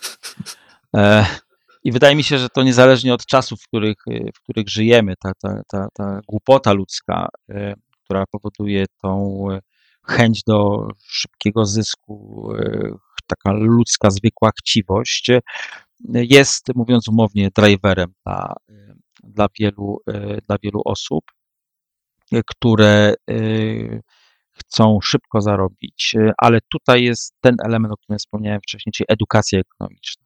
Znaczy, takie osoby zawsze będą, ale możemy zmniejszyć liczbę, potencjalny krąg osób zagrożonych tego typu, tego typu myśleniem, przez to, że będziemy ich e, ekonomicznie edukować. Bo jeżeli byliby wyedukowani inwestorzy czy posiadacze kapitału, nazwijmy ich, to wiedzieliby, że jeżeli bank daje 3%, 4 albo 5 na lokacie terminowej rocznej, a jeżeli Amber Gold umowny daje 15%, mhm. to znaczy, że coś jest nie tak. Coś mhm. jest nie mhm. tak. Albo znalazł złote runo umownie, albo jest to piramida finansowa. Mhm. E, ludzi trzeba edukować pod tym względem, trzeba im pokazywać, na czym polegają podstawowe elementy związane z z rynkami finansowymi, z bankami, z oprocentowaniem lokat, z dochodowością, nie wiem, funduszy inwestycyjnych i tak dalej. Ludzie muszą się pewnych rzeczy nauczyć. Niestety w społeczeństwie pokutuje takie przekonanie, że ekonomia to nie dla mnie. Ja często z tym się spotykam, że, że jak rozmawiam o, o, o giełdzie czy o ekonomii z kimś, kto nigdy nie miał z tym do czynienia tak naprawdę, to on mówi, że to nie dla mnie. A pytam się wtedy, a czy ma pani konto w banku? Czy pan konto w banku? Tak. A czy lokatę bankową? Pani? Tak. A czy zdarzyło się, że kupiła pani? Tak, jakieś kupiłam, ale nie pamiętam, czy kupiłem, nie pamiętam. No właśnie, y, nie da się uciec od ekonomii w dzisiejszym życiu. Musielibyśmy prowadzić jakąś autarkiczną gospodarkę, gdzie każdy z nas y, mieszkałby w chacie na skraju lasu, otoczony, otoczony własnym poletkiem i, i nic. Wszystko by konsumował, co wyprodukował na tym poletku. E, tak się nie da. E, pieniędzy mamy coraz więcej i wraz z ilością pieniądza na rynku kapitału rozporządzalnego przez polskie gospodarstwa domowe powinna iść w parze edukacja ekonomiczna. Będę wracał do tego jak do, do mojej mantry, mhm. E, ale trzeba to robić i to jest ogromne, ogromne wyzwanie dla mediów, dla blogerów, dla tych wszystkich, y, którzy y, są na tym rynku, tymi, którzy mogą tę edukację ekonomiczną y, przekazywać. I wydaje mi się, że takie sytuacje jak z Amber Gold czy z Getbackiem, one też powodują to jest taki kubeł zimnej wody na głowy tych wszystkich, którzy uważają, że ekonomia nie jest dla mnie i nie będę tym się zajmować. Nie potrzebuję tej wiedzy, nie, nie chcę się uczyć. E, wydaje mi się, że, że e, przynajmniej niektórzy po tych, po tych dwóch wielkich aferach, o których była, było bardzo głośno, no ale jest głośno, bo przecież odczytywanie wyroku chyba sprawie Amber zajmuje bardzo dużo czasu, e, to, to jest to taka nauczka, że jednak może warto czasem się wysilić, warto czasem coś przeczytać, czegoś się nauczyć, warto zadać jedno czy dwa pytania więcej doradcy finansowemu przy rozmowie to jest bardzo istotne, ale też trzeba wiedzieć, jakie pytanie zadać. Mhm. I e, to jest niezwykle ważne i to jest ogromna praca do wykonania e, przed, e, tym, przed tymi wszystkimi, którzy dobrze życzą polskiemu rynkowi kapitałowemu. W 2008 roku, kiedy można powiedzieć, waliły się wszystkie rynki finansowe na świecie i no, to był totalny Armagedon i też twoja pierwsza powieść, Keys właśnie korzysta z tego tła kryzysowego. Tam wówczas próbowano gasić ten pożar wielkim dodrukiem pieniędzy, pieniądza, jaki wpłynął, jaki wtłoczono na rynek. No i wówczas też y, wszyscy zgodnie mówili, że to będzie groziło ogromną w przyszłości inflacją. E, tymczasem jesteśmy w 2019 roku, mamy piękne, przynajmniej u mnie jest piękna pogoda na zewnątrz, naprawdę piękne lato Giełdy w Stanach Zjednoczonych, bo oczywiście w Polsce, jak już mówiliśmy, wygląda to nieco inaczej, ale w Stanach Zjednoczonych mamy hossę stulecia chyba. Jest to jedna z najdłuższych y, hoss, jaka miała miejsce w ostatnich dekadach w Stanach Zjednoczonych. Inflacji wciąż nie widać. Czy Twoim zdaniem tutaj mm, na naszych oczach zmieniają się jakieś prawa ekonomii, czy też y, być może jeszcze wszystko przed nami? E, inflację mamy, tylko mamy inflację aktywną. Mhm nie mamy takiej inflacji rzeczywiście konsumenckiej. E, no bo w Polsce też mamy niską inflację, przynajmniej e, urzędowo. Bo ten, kto chodzi na codzienne zakupy, to już no, widzi jednak trochę inne rzeczy. Mhm. E, natomiast mamy inflację ewidentnie aktywów. Te pieniądze dodrukowane, one poszły na świecie, właśnie na, rynku, na, na, na rynek akcji. Dlaczego jest ta gigantyczna hossa na rynku amerykańskim? No właśnie dlatego, że jest ogromna ilość dodrukowanego pieniądza więc e, ceny akcji podlegają inflacji. One po prostu drożeją w sposób, w sposób który, który, nie, który, który bez e, tego dodruku pieniądza byłby niemożliwy. E, zwróćmy uwagę, co dzieje się z obligacjami. No, ujemne rentowności mhm. na bardzo wielu papierach. To jest też efekt, efekt inflacji aktywów. Oraz oczywiście nieruchomości. No tak, tutaj widać. Nieruchomości. Bardzo. Tutaj widać bardzo mocno, e, i, e, więc mamy inflację, ale mamy inflację aktywną. E, czy to może, czy to jest bezpieczne? Moim zdaniem jest to też niebezpieczne, ponieważ każda, każda taka sytuacja powoduje napompowanie takiego balona spekulacyjnego mhm. na rynku nieruchomości, czy na rynku akcji, czy na rynku obligacji. I kiedy doszłoby do pojawienia się używając już określenia z, ze słynnego Taleba, czarnego łabędzia mhm. E, w gospodarce. E, ja sobie wyobrażam, że takim czarnym łabędziem może być na przykład, e, może być na przykład jakaś wojna regionalna w Zatoce Perskiej przykładowo, gdzie nagle okazuje się, że zamiast dzisiaj sprawdzałem, ropa słodka jest po 58 dolarów za baryłkę, nagle kosztowałaby 150 albo 200 E, to wydaje mi się, że wyskoczyłaby natychmiast inflacja konsumencka, natychmiast. E, a doprowadziłoby to do załamania prawdopodobnie e, tych wszystkich, tych wszystkich aktywów, które no, zostały po prostu sztucznie napompowane. Więc wydaje mi się, że to jest też niebezpieczne, aczkolwiek rzeczywiście ta, ta inflacja, inflacja, można powiedzieć, została wyeksportowana trochę z tych państw, które dodrukowały pieniądze. Ona tak naprawdę się rozlała po całym świecie i e, nie dotarła w pewnym sensie na nasz rynek, ale nie dotarła tylko na rynek, zauważmy, ten e, kapitałowy. I to na rynek akcji, bo na rynku obligacji zobaczmy, jakie mamy rentowności prawda, obligacji polskich, są bardzo niskie, natomiast natomiast na rynku nieruchomości no, mamy, mamy inflację aktywów jak 150, więc, mhm. więc e, pewne, pewne schematy, schematy, które są na całym świecie, również u nas mają swoje miejsce, aczkolwiek rynek akcji został tutaj rzeczywiście potraktowany przez, przez, przez świat trochę po macoszemu, można powiedzieć. Czyli tak podsumowując, jest niestety duże ryzyko, że ten wtłoczony w gospodarki czy w giełdy, generalnie wydrukowany pieniądz jednak będzie mógł, może być dobrym środowiskiem dla tworzących się bombli, które z czasem po prostu będą narastać i mogą być też być może przyczynkiem do czegoś e, kolejnego, e, jakiegoś kolejnego negatywnego wydarzenia w naszych gospodarkach.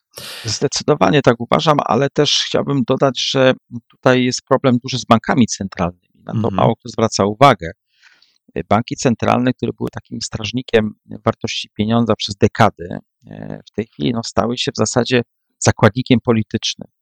Zauważmy, co dzieje się w Stanach Zjednoczonych, gdzie prezydent Trump wręcz e, e, po prostu no, naciska tak na Fed, że trudno mówić o w ogóle niezależności tego, tego, mm -hmm. tego, tego banku centralnego. Okazuje się, że że banki centralne mają przede wszystkim dbać o koniunkturę gospodarczą, dobrą, dla polityków oczywiście, którzy chcą wygrać kolejne wybory, a y, sposobem na to jest utrzymywanie bardzo niskich stóp procentowych albo wręcz ich obniżanie do poziomów takich, no, że w wielu wypadkach mamy ujemne stopy procentowe. Mhm. I rodzi się pytanie, co będzie, kiedy naprawdę dojdzie do kryzysu? Co zrobią banki centralne? obniżą stopy procentowe, skoro są już obniżone. Y, mhm. Myślę, że to będzie jakaś ekonomia 3.0, z której y, y, jak ktoś na, znajdzie odpowiedź na to pytanie, to myślę, że dostanie Nagrodę Nobla z dziedziny ekonomii, e, bo, mhm. bo nie wyobrażam sobie sytuacji takiej, żeby standardowe sposoby przeciwdziałania e, kolejnemu kryzysowi mogły zadziałać. To będzie musiało być coś nowego, ale co? Jeszcze nie wiemy.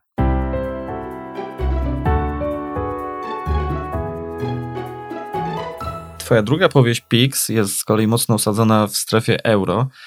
I Tomasz, chciałem zapytać, jakie ty masz podejście do projektu, jakim jest euro? No, bo jest to projekt, powiedzmy, no, unikatowy w skali światowej. I też y, mogliśmy się dużo o tym projekcie nauczyć, dowiedzieć przy okazji właśnie kryzysu z między innymi chociażby roku 2011 w Grecji.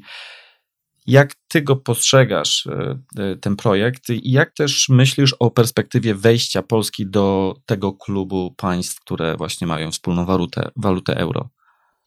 Przede wszystkim trzeba zrozumieć e, to, o czym rzadko się mówi, że projekt euro jest projektem stricte politycznym. Mhm. To nie jest projekt ekonomiczny, to jest projekt polityczny. Dlatego nie upadła Grecja bo gdyby to był projekt ekonomiczny, oparty na rachunku ekonomicznym, to Grecji by dzisiaj w strefie już nie było. Miałaby drachmę, nie wiem, jakiegoś dolara greckiego, cokolwiek, no w kolorze oliwki na pewno, można powiedzieć. Natomiast y, fakt, że euro jest projektem politycznym, rodzi bardzo poważne konsekwencje, ponieważ y, y, tutaj kłóci się ekonomia z polityką. I właśnie w sytuacjach, kiedy kiedy mamy do czynienia z e, takimi momentami jak z Grecją, okazuje się, że Grecja nie może upaść z, e, z powodów politycznych. Bo czy można wyprowadzić państwo ze strefy euro? Oczywiście, że można. To są odpowiednie, odpowiednie, odpowiednie e, regulacje, regulacje prawne. To nie jest wcale takie niemożliwe. Natomiast, natomiast chęć utrzymania strefy euro, jej integralności jest wyzwaniem politycznym. I strefa euro będzie zawsze strefą polityczną, tak naprawdę. Dlatego też wejście do strefy euro, znaczy ten kryzys, który opisałem w mojej książce, on pokazuje, że do strefy euro y, na pewno nie powinny wchodzić kraje słabe. Mhm. O słabej gospodarce, o gospodarce mocno zetatyzowanej, o słabej ściągalności podatków, państwa rządzone przez populistów, nie, to powin, to powinien być klub naprawdę e, taki no, trochę ekskluzywny, czyli z w miarę wyrównanymi e, e, potencjałami gospodarek. Natomiast wciąganie na siłę kogoś słabego, kto ma się podciągnąć w strefie euro, nie, to, to, jest, to jest zła droga.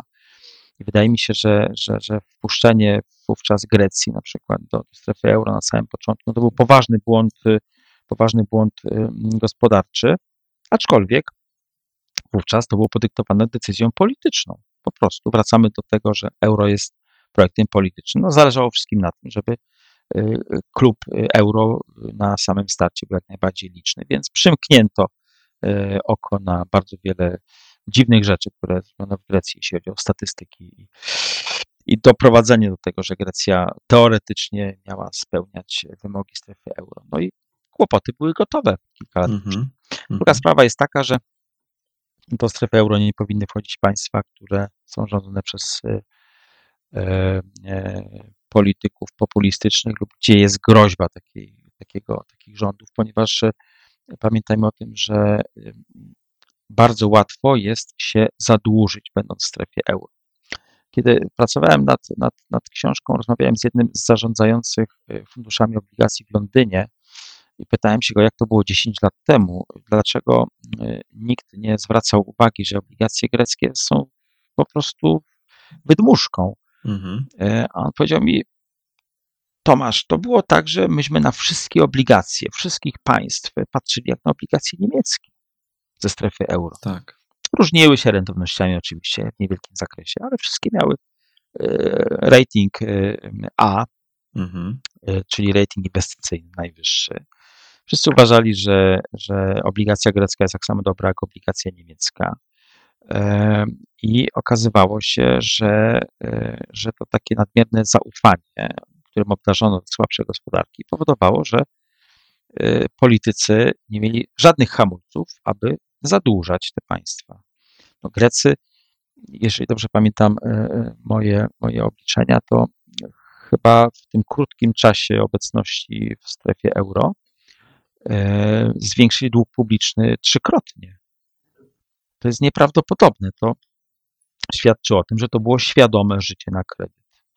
I uważam, że gdyby, gdyby w Polsce e, było zagrożenie takim totalnym populizmem, gdzie jakby nikt nie liczy się z wydatkami i tak dalej, uważam, że nam to grozi niestety, mhm. to e, obecność w strefie euro spowodowałaby, że bardzo łatwo byłoby się ponad miarę zadłużyć. To znaczy, dla populistów państwo w strefie euro to jest wielka skarbonka, z której można po prostu e, wyciągać, e, wyciągać pieniądze. E, I to jest duże ryzyko, więc chciałbym dwóch rzeczy. Przede wszystkim, żeby Polska w najbliższych latach czy też dekadzie pod względem zamożności PKB naprawdę doszła jak najbliżej tych największych, najbardziej stabilnych gospodarek e, e, Unii Europejskiej, które są w strefie euro. Wtedy możemy rozmawiać o tym, żeby Polska do strefy euro weszła. I druga sprawa, chciałbym, abyśmy e, mieli taką klasę polityczną, która nie będzie niosła ze sobą ryzyka populizmu, które spowodowałoby nadmierne zadłużenie się, będąc w strefie euro. No niestety tutaj akurat nie mam zbyt dobrych zbyt dobrych przemyśleń na ten temat, ale mam nadzieję, że y, pod tym względem się mylę. E, Tomasz, no więc właśnie takie pytanie Quo Vadis Polsko, bo jednak y, tak dość płynnie z Grecji e, chciałbym przejść tutaj trochę mm, nad Wisłę, a ewidentnie nasi politycy również lubią tę ideę, gdzie przyświeca im filozofia życia w długu i wydaje się, że to ma nawet sens, o ile tylko powiedzmy gospodarka kwitnie i rozwija się. Natomiast moje pytanie jest takie, czy, no bo Grecja miała dość podobną sytuację w pewnym przynajmniej momencie, też gospodarka się rozwijała, e, byli członkiem Unii Europejskiej, oczywiście mogli się też taniej zadłużać, ponieważ byli w strefie euro. Natomiast y, czy my jako naród, jako, jako kraj będziemy również y, musieli w pewnym momencie jednak y, uregulować rachunek za, tę, za tą, że tak powiem, w cudzysłowie, imprezę e, polityków, gdzie wydaje się, że no, wydajemy nieco więcej niż mamy i nie myślimy specjalnie o, o, o, o przyszłości. Przykładowo w Niemczech y, tak naprawdę z roku na rok są nadwyżki budżetowe i jednak y, myślą o tym, co może być w przyszłości, kiedy te gospodarki będą w, w trendzie spadkowym. U nas nie widać, żeby politycy w ten sposób myśleli. Czy myślisz, że za tym czeka nas też no, nie do końca być może różowa przyszłość? E, Jest takie powiedzenie, e, nie ma darmowych lunchy. Mhm. Ja jestem zwolennikiem tego powiedzenia. Otóż no, w dużej mierze e, e, my prowadzimy życie na kredyt. E, To, że PKB rośnie w tempie tam 4, e, rzędu 4-5%, e, e, powoduje to, że na dług można patrzeć e, na dwa sposoby.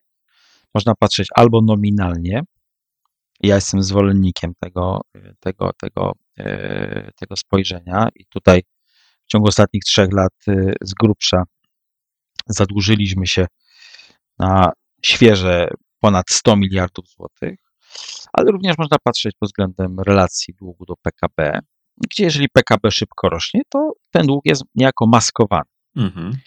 Mamy też większą y, sposobność jego obsługi, etc., etc. On tak źle nie wygląda do PKB. To są dwie szkoły ekonomii. Y, Tylko, że w tej drugiej szkole ekonomii, na którą oczywiście rządzący lubią się powoływać, kiedy PKB rośnie, jest jeden problem, że nic nie trwa wiecznie. Że kiedy, to jest problem, który przerobiła Grecja, że dopóki PKB rośnie, y, to ten dług jest maskowany. Ale jak PKB wyhamuje, a dług nadal rośnie, to relacje się zmieniają. A kiedy PKB zaczyna spadać, z czym mamy do czynienia w recesji, no to już te relacje e, e, zmieniają się wręcz dramatycznie. I to jest coś, co myślę, że może nam zagrażać, ponieważ my mamy takie mm, poczucie w Polsce, że, że e, jesteśmy krajem e, nieustannego wzrostu gospodarczego. I na dobrą sprawę, jak spojrzymy na ostatnie 30 lat w Europie czy w OECD, to jesteśmy jednym z kilku krajów, w którym coś takiego było dane. Ale nic nie trwa wiecznie. Gdyby okazało się, że mamy, i znowu wrócę do Taleba, jakiegoś czarnego łabędzia, nie daj Boże Mhm. jeszcze w naszym regionie Europy, to może się okazać, że będziemy mieli duże problemy gospodarcze, e, że PKB e, u nas spadnie, a dług gwałtownie przyspieszy, a w szczególności jego obsługa. I może się okazać, że to życie na kredyt e, no, wyjdzie nam bokiem, że dostaniemy wtedy tak naprawdę rachunek e, do spłacenia. E, Jak e, spłacili go Grecy? Grecy zapłacili ogromną cenę za życie na kredyt. Grecy zapłacili wielokrotnymi obniżkami emerytur. Mhm. Grecy zapłacili gigantycznym bezrobociem. Nie ma darmowych lunchy. To jest tak, że jeżeli państwo przeholuje z długiem, przeholuje z e, życiem na kredyt, to niestety, ale potem e, skutki dla społeczeństwa, podkreślmy to, e, są katastrofalne. Ja nigdy nie chciałbym, żebyśmy dożyli jakiejkolwiek, jakiejkolwiek wariacji modelu greckiego, bo, bo byłby to dla nas e, szok, niedowierzanie, mogłoby się skończyć naprawdę naprawdę e, bardzo niedobrze, e, myślę, na ulicach po prostu. Zresztą w Grecji pamiętajmy, że, Mhm. że to, to, to, co się działo, lata demonstracji, tak, starć z policją, strajków, no, państwo, które w dużej mierze nie funkcjonowało jak należy. I tego chciałbym, chciałbym uniknąć. Druga sprawa jest taka, że, że rzeczywiście pokusa do zadłużania się takiego politycznego, e, czyli do oferowania sztywnych wydatków e, e, socjalnych na przykład. No, mamy festiwal obecnie w Polsce tego typu, tego typu wydatków. On niezwykle usztywnia budżet. Jeżeli z jednej strony mamy budżet, gdzie mamy bardzo dużo wpisanych wydatków sztywnych, które niezależnie od koniunktury powinny być zapłacone, a z drugiej strony mamy wiele elementów budżetu, które mogą przynieść w przyszłości niższe wpływy albo wręcz są one-offami w poszczególnych latach, Mhm. to jest duże ryzyko, że nadejdzie kiedyś rok prawdy, kiedy okaże się, że te dwie rzeczy się nie spinają. Rozumiem. Ktoś będzie musiał powiedzieć, że na 500 plus nas nie stać, że może to być 400 plus, 300 plus, albo 300 plus dla tych najmniej zarabiających. E, Taki scenariusz jest, uważam, też możliwy. Jeżeli, e, jeżeli doszłoby do większego kryzysu gospodarczego, to ja bym takiego scenariusza nie wykluczał. E, Tomasz, zbliżamy się powoli ku końcowi naszej rozmowy, ale pamiętam jak na początku, gdy wspominałeś o historii naszego rynku kapitałowego, o początkach nowej Polski, wspomniałeś też, że ten aparat państwowy nie do końca jeszcze funkcjonował tak jak należy, na przykład niewydolne sądownictwo było. Dziś często też się podnosi, że mamy problem z sądownictwem, ale powiedzmy też nieco w innym obszarze, mianowicie mówiąc tak zupełnie wprost, e, rządzący po prostu ignorują na przykład wyroki, prawomocne wyroki sądowe. Poza tym, że oczywiście tutaj są emocje, jest polityka i ja w to nie chcę jak gdyby wchodzić, ale czy z punktu widzenia rynków kapitałowych uważasz, że takie rzeczy to jednak faktycznie w pewnym momencie również może wpływać na to, jak nasz rynek kapitałowy, jak nasze państwo będzie się mogło rozwijać? Czy to będzie mogło mieć e, takie przełożenie na realnego Kowalskiego? E, pamiętajmy o tym, że e, miarą, jednym, jedną z miar zaufania inwestorów zagranicznych przede wszystkim do danego państwa, do inwestycji w tym państwie jest praworządność. I to, że będą traktowani na poziomie, na poziomie e, wymiaru sprawiedliwości w sposób nieodbiegający od standardów w, w rozwiniętych krajach demokratycznych. Więc wydaje mi się, że ma to duże znaczenie e, i e, to są e, uważnie obserwowane przez inwestorów działania.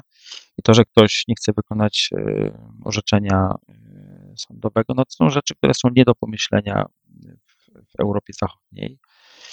Ale tutaj też wrócę do tych darmowych lunchy. No, nie ma darmowych lunchy. Ktoś, kto nie wykonuje takiego polecenia, kiedyś po prostu poniesie za to konsekwencje. Natomiast z punktu widzenia oczywiście, oczywiście e, inwestorów, e, to e, brak takiego poczucia pewności legislacyjnej, fakt, że ustawy można zmieniać w ciągu jednej nocy, bez konsultacji, powoduje ogromne ryzyko biznesowe.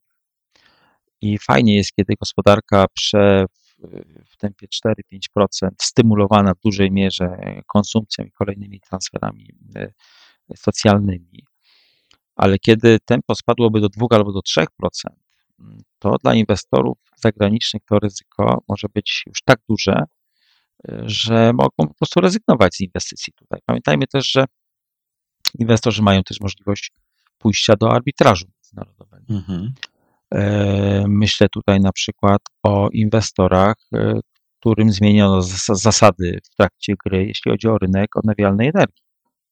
To, co mhm. się wydarzyło z OZE, będziemy mieć kilka spraw mocnych prawdopodobnie w arbitrażu międzynarodowym. Ja pamiętam tylko jedną sprawę z arbitrażu międzynarodowego, sprawę PZU i Juriko, E, I to było lekceważone przez wiele, wiele, wiele lat, aż na koniec okazało się, że możemy zapłacić po prostu gigantyczną karę, e, idącą w miliardy złotych.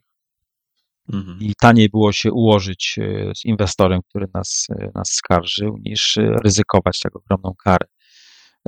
Zatem wydaje mi się, że, że jednak poszanowanie praworządności jest niezwykle ważne, także z punktu widzenia nie tylko Kowalskiego, bo na koniec dnia on również kiedyś może pójść do sądu i będzie oczekiwał sprawiedliwego wyroku, jak również z punktu widzenia inwestorów, ponieważ cały system, cały ekosystem prawny tak naprawdę powoduje, że inwestor czuje się w danym kraju bezpiecznie i to, że pójdzie do krajowego sądu, wcale nie będzie musiało dla niego oznaczać przegrane, jeżeli po drugiej stronie na przykład jego przeciwnikiem będzie państwo albo państwowa spółka. Bo tak naprawdę do tego w dużej mierze obawy inwestorów się sprowadzają, że, że, że sądownictwo e, polskie, orzecznictwo będzie szło w tym kierunku, aby, aby, aby no, ich interesy nie były, nie były należycie, należycie chronione, aby był interes chroniony państwa, państwowych firm, państwowych agent i tak dalej. Inwestor zagraniczny ma możliwość pójścia do Trybunału y, do arbitrażowego i wydaje mi się, że w takich wypadkach, jak na przykład w wypadku mm, OZE, inwestorzy po prostu z tego korzystają. Tomasz, to żeby tak nie zostawiać słuchaczy z powiedzmy negatywnymi scenariuszami, to czy mógłbyś coś na koniec dodać jeszcze od siebie, czy chciałbyś coś jeszcze dodać od siebie, coś pozytywnego, coś, co mogłoby e, trochę powiać optymizmem? No, jeżeli nie wydarzy się nic e, e, geopolitycznego, w rodzaju czarnego łabędzia, o którym wcześniej wspominałem, mm. E, uregulowane są sprawy związane z OFE, ruszy PPK, e, nadal będziemy się bogacić jako społeczeństwo. Ta gospodarka może nie będzie rosła w tempie 5% rocznie, ale w tempie 4, 3,5 to też solidny wzrost. To może okazać się, że e, dojdzie do zjawiska, bym sobie bardzo życzył, żeby do tego doszło, do zjawiska, które określa się mianem, mianem E, paniki popytu. Mhm. Panika popytu jest e, wtedy, kiedy e, towaru jest mało, a wszyscy chcą kupić. Ujmując rynek akcji, jeżeli mamy bardzo niskie wyceny, jeżeli mamy niewiele spółek, akcji jest niedużo w obrocie, tak jak mamy obecnie na giełdzie warszawskiej w wielu wypadkach, to może okazać się, że jeżeli kapitału pojawi się więcej, to będziemy mieli taki wielki lejek, od którego z góry kapitał naciśnie, a pod spodem będziemy mieli niewielki otwór, którym będzie mógł rozlać się na, na rynek kapitałowy i na giełdę. Mhm. I gdybym mógł sobie czegoś życzyć i chciałbym to jeszcze przeżyć na warszawskiej giełdzie, na rynku kapitałowym w Polsce, to tak chciałbym na tym rynku prawdziwej, wielkiej paniki, ale paniki y, popytu, a nie paniki podaży. Y, oczywiście y, taka panika popytu jest później neutralizowana przez nowe emisje, bo wchodzą nowe spółki zainteresowane wejściem, pozyskaniem kapitału, więc to wszystko da się, to wszystko da się jakoś, jakoś rozsądnie, rozsądnie w gospodarce poukładać później.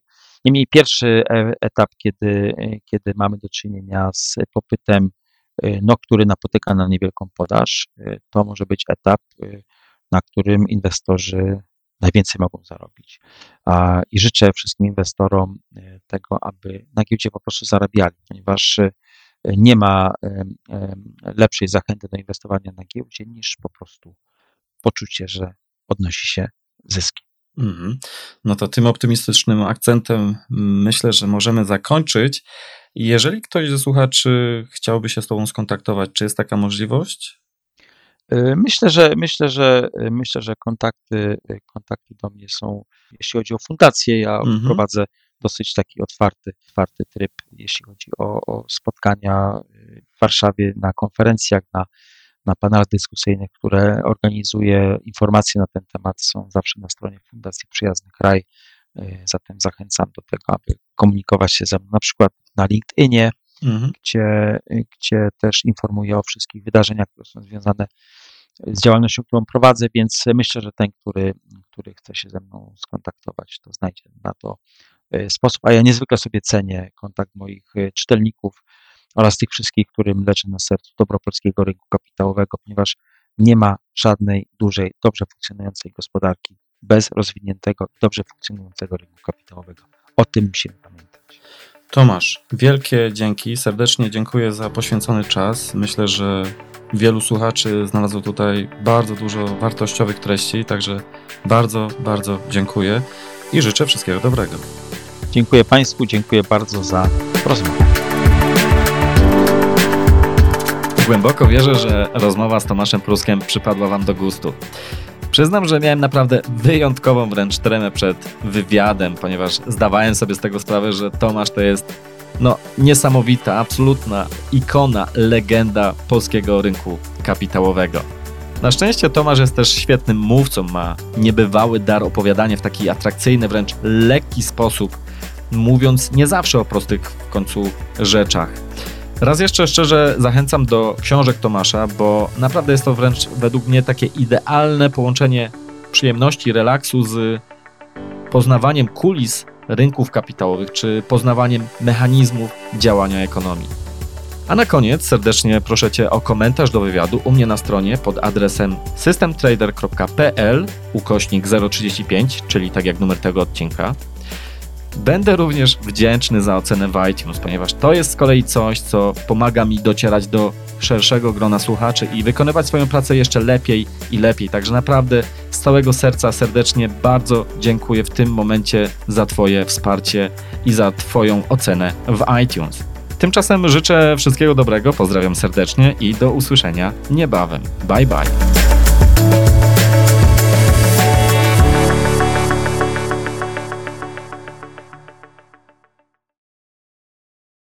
Lucky Land Casino asking people what's the weirdest place you've gotten lucky? Lucky? In line at the deli, I guess? Aha, in my dentist's office.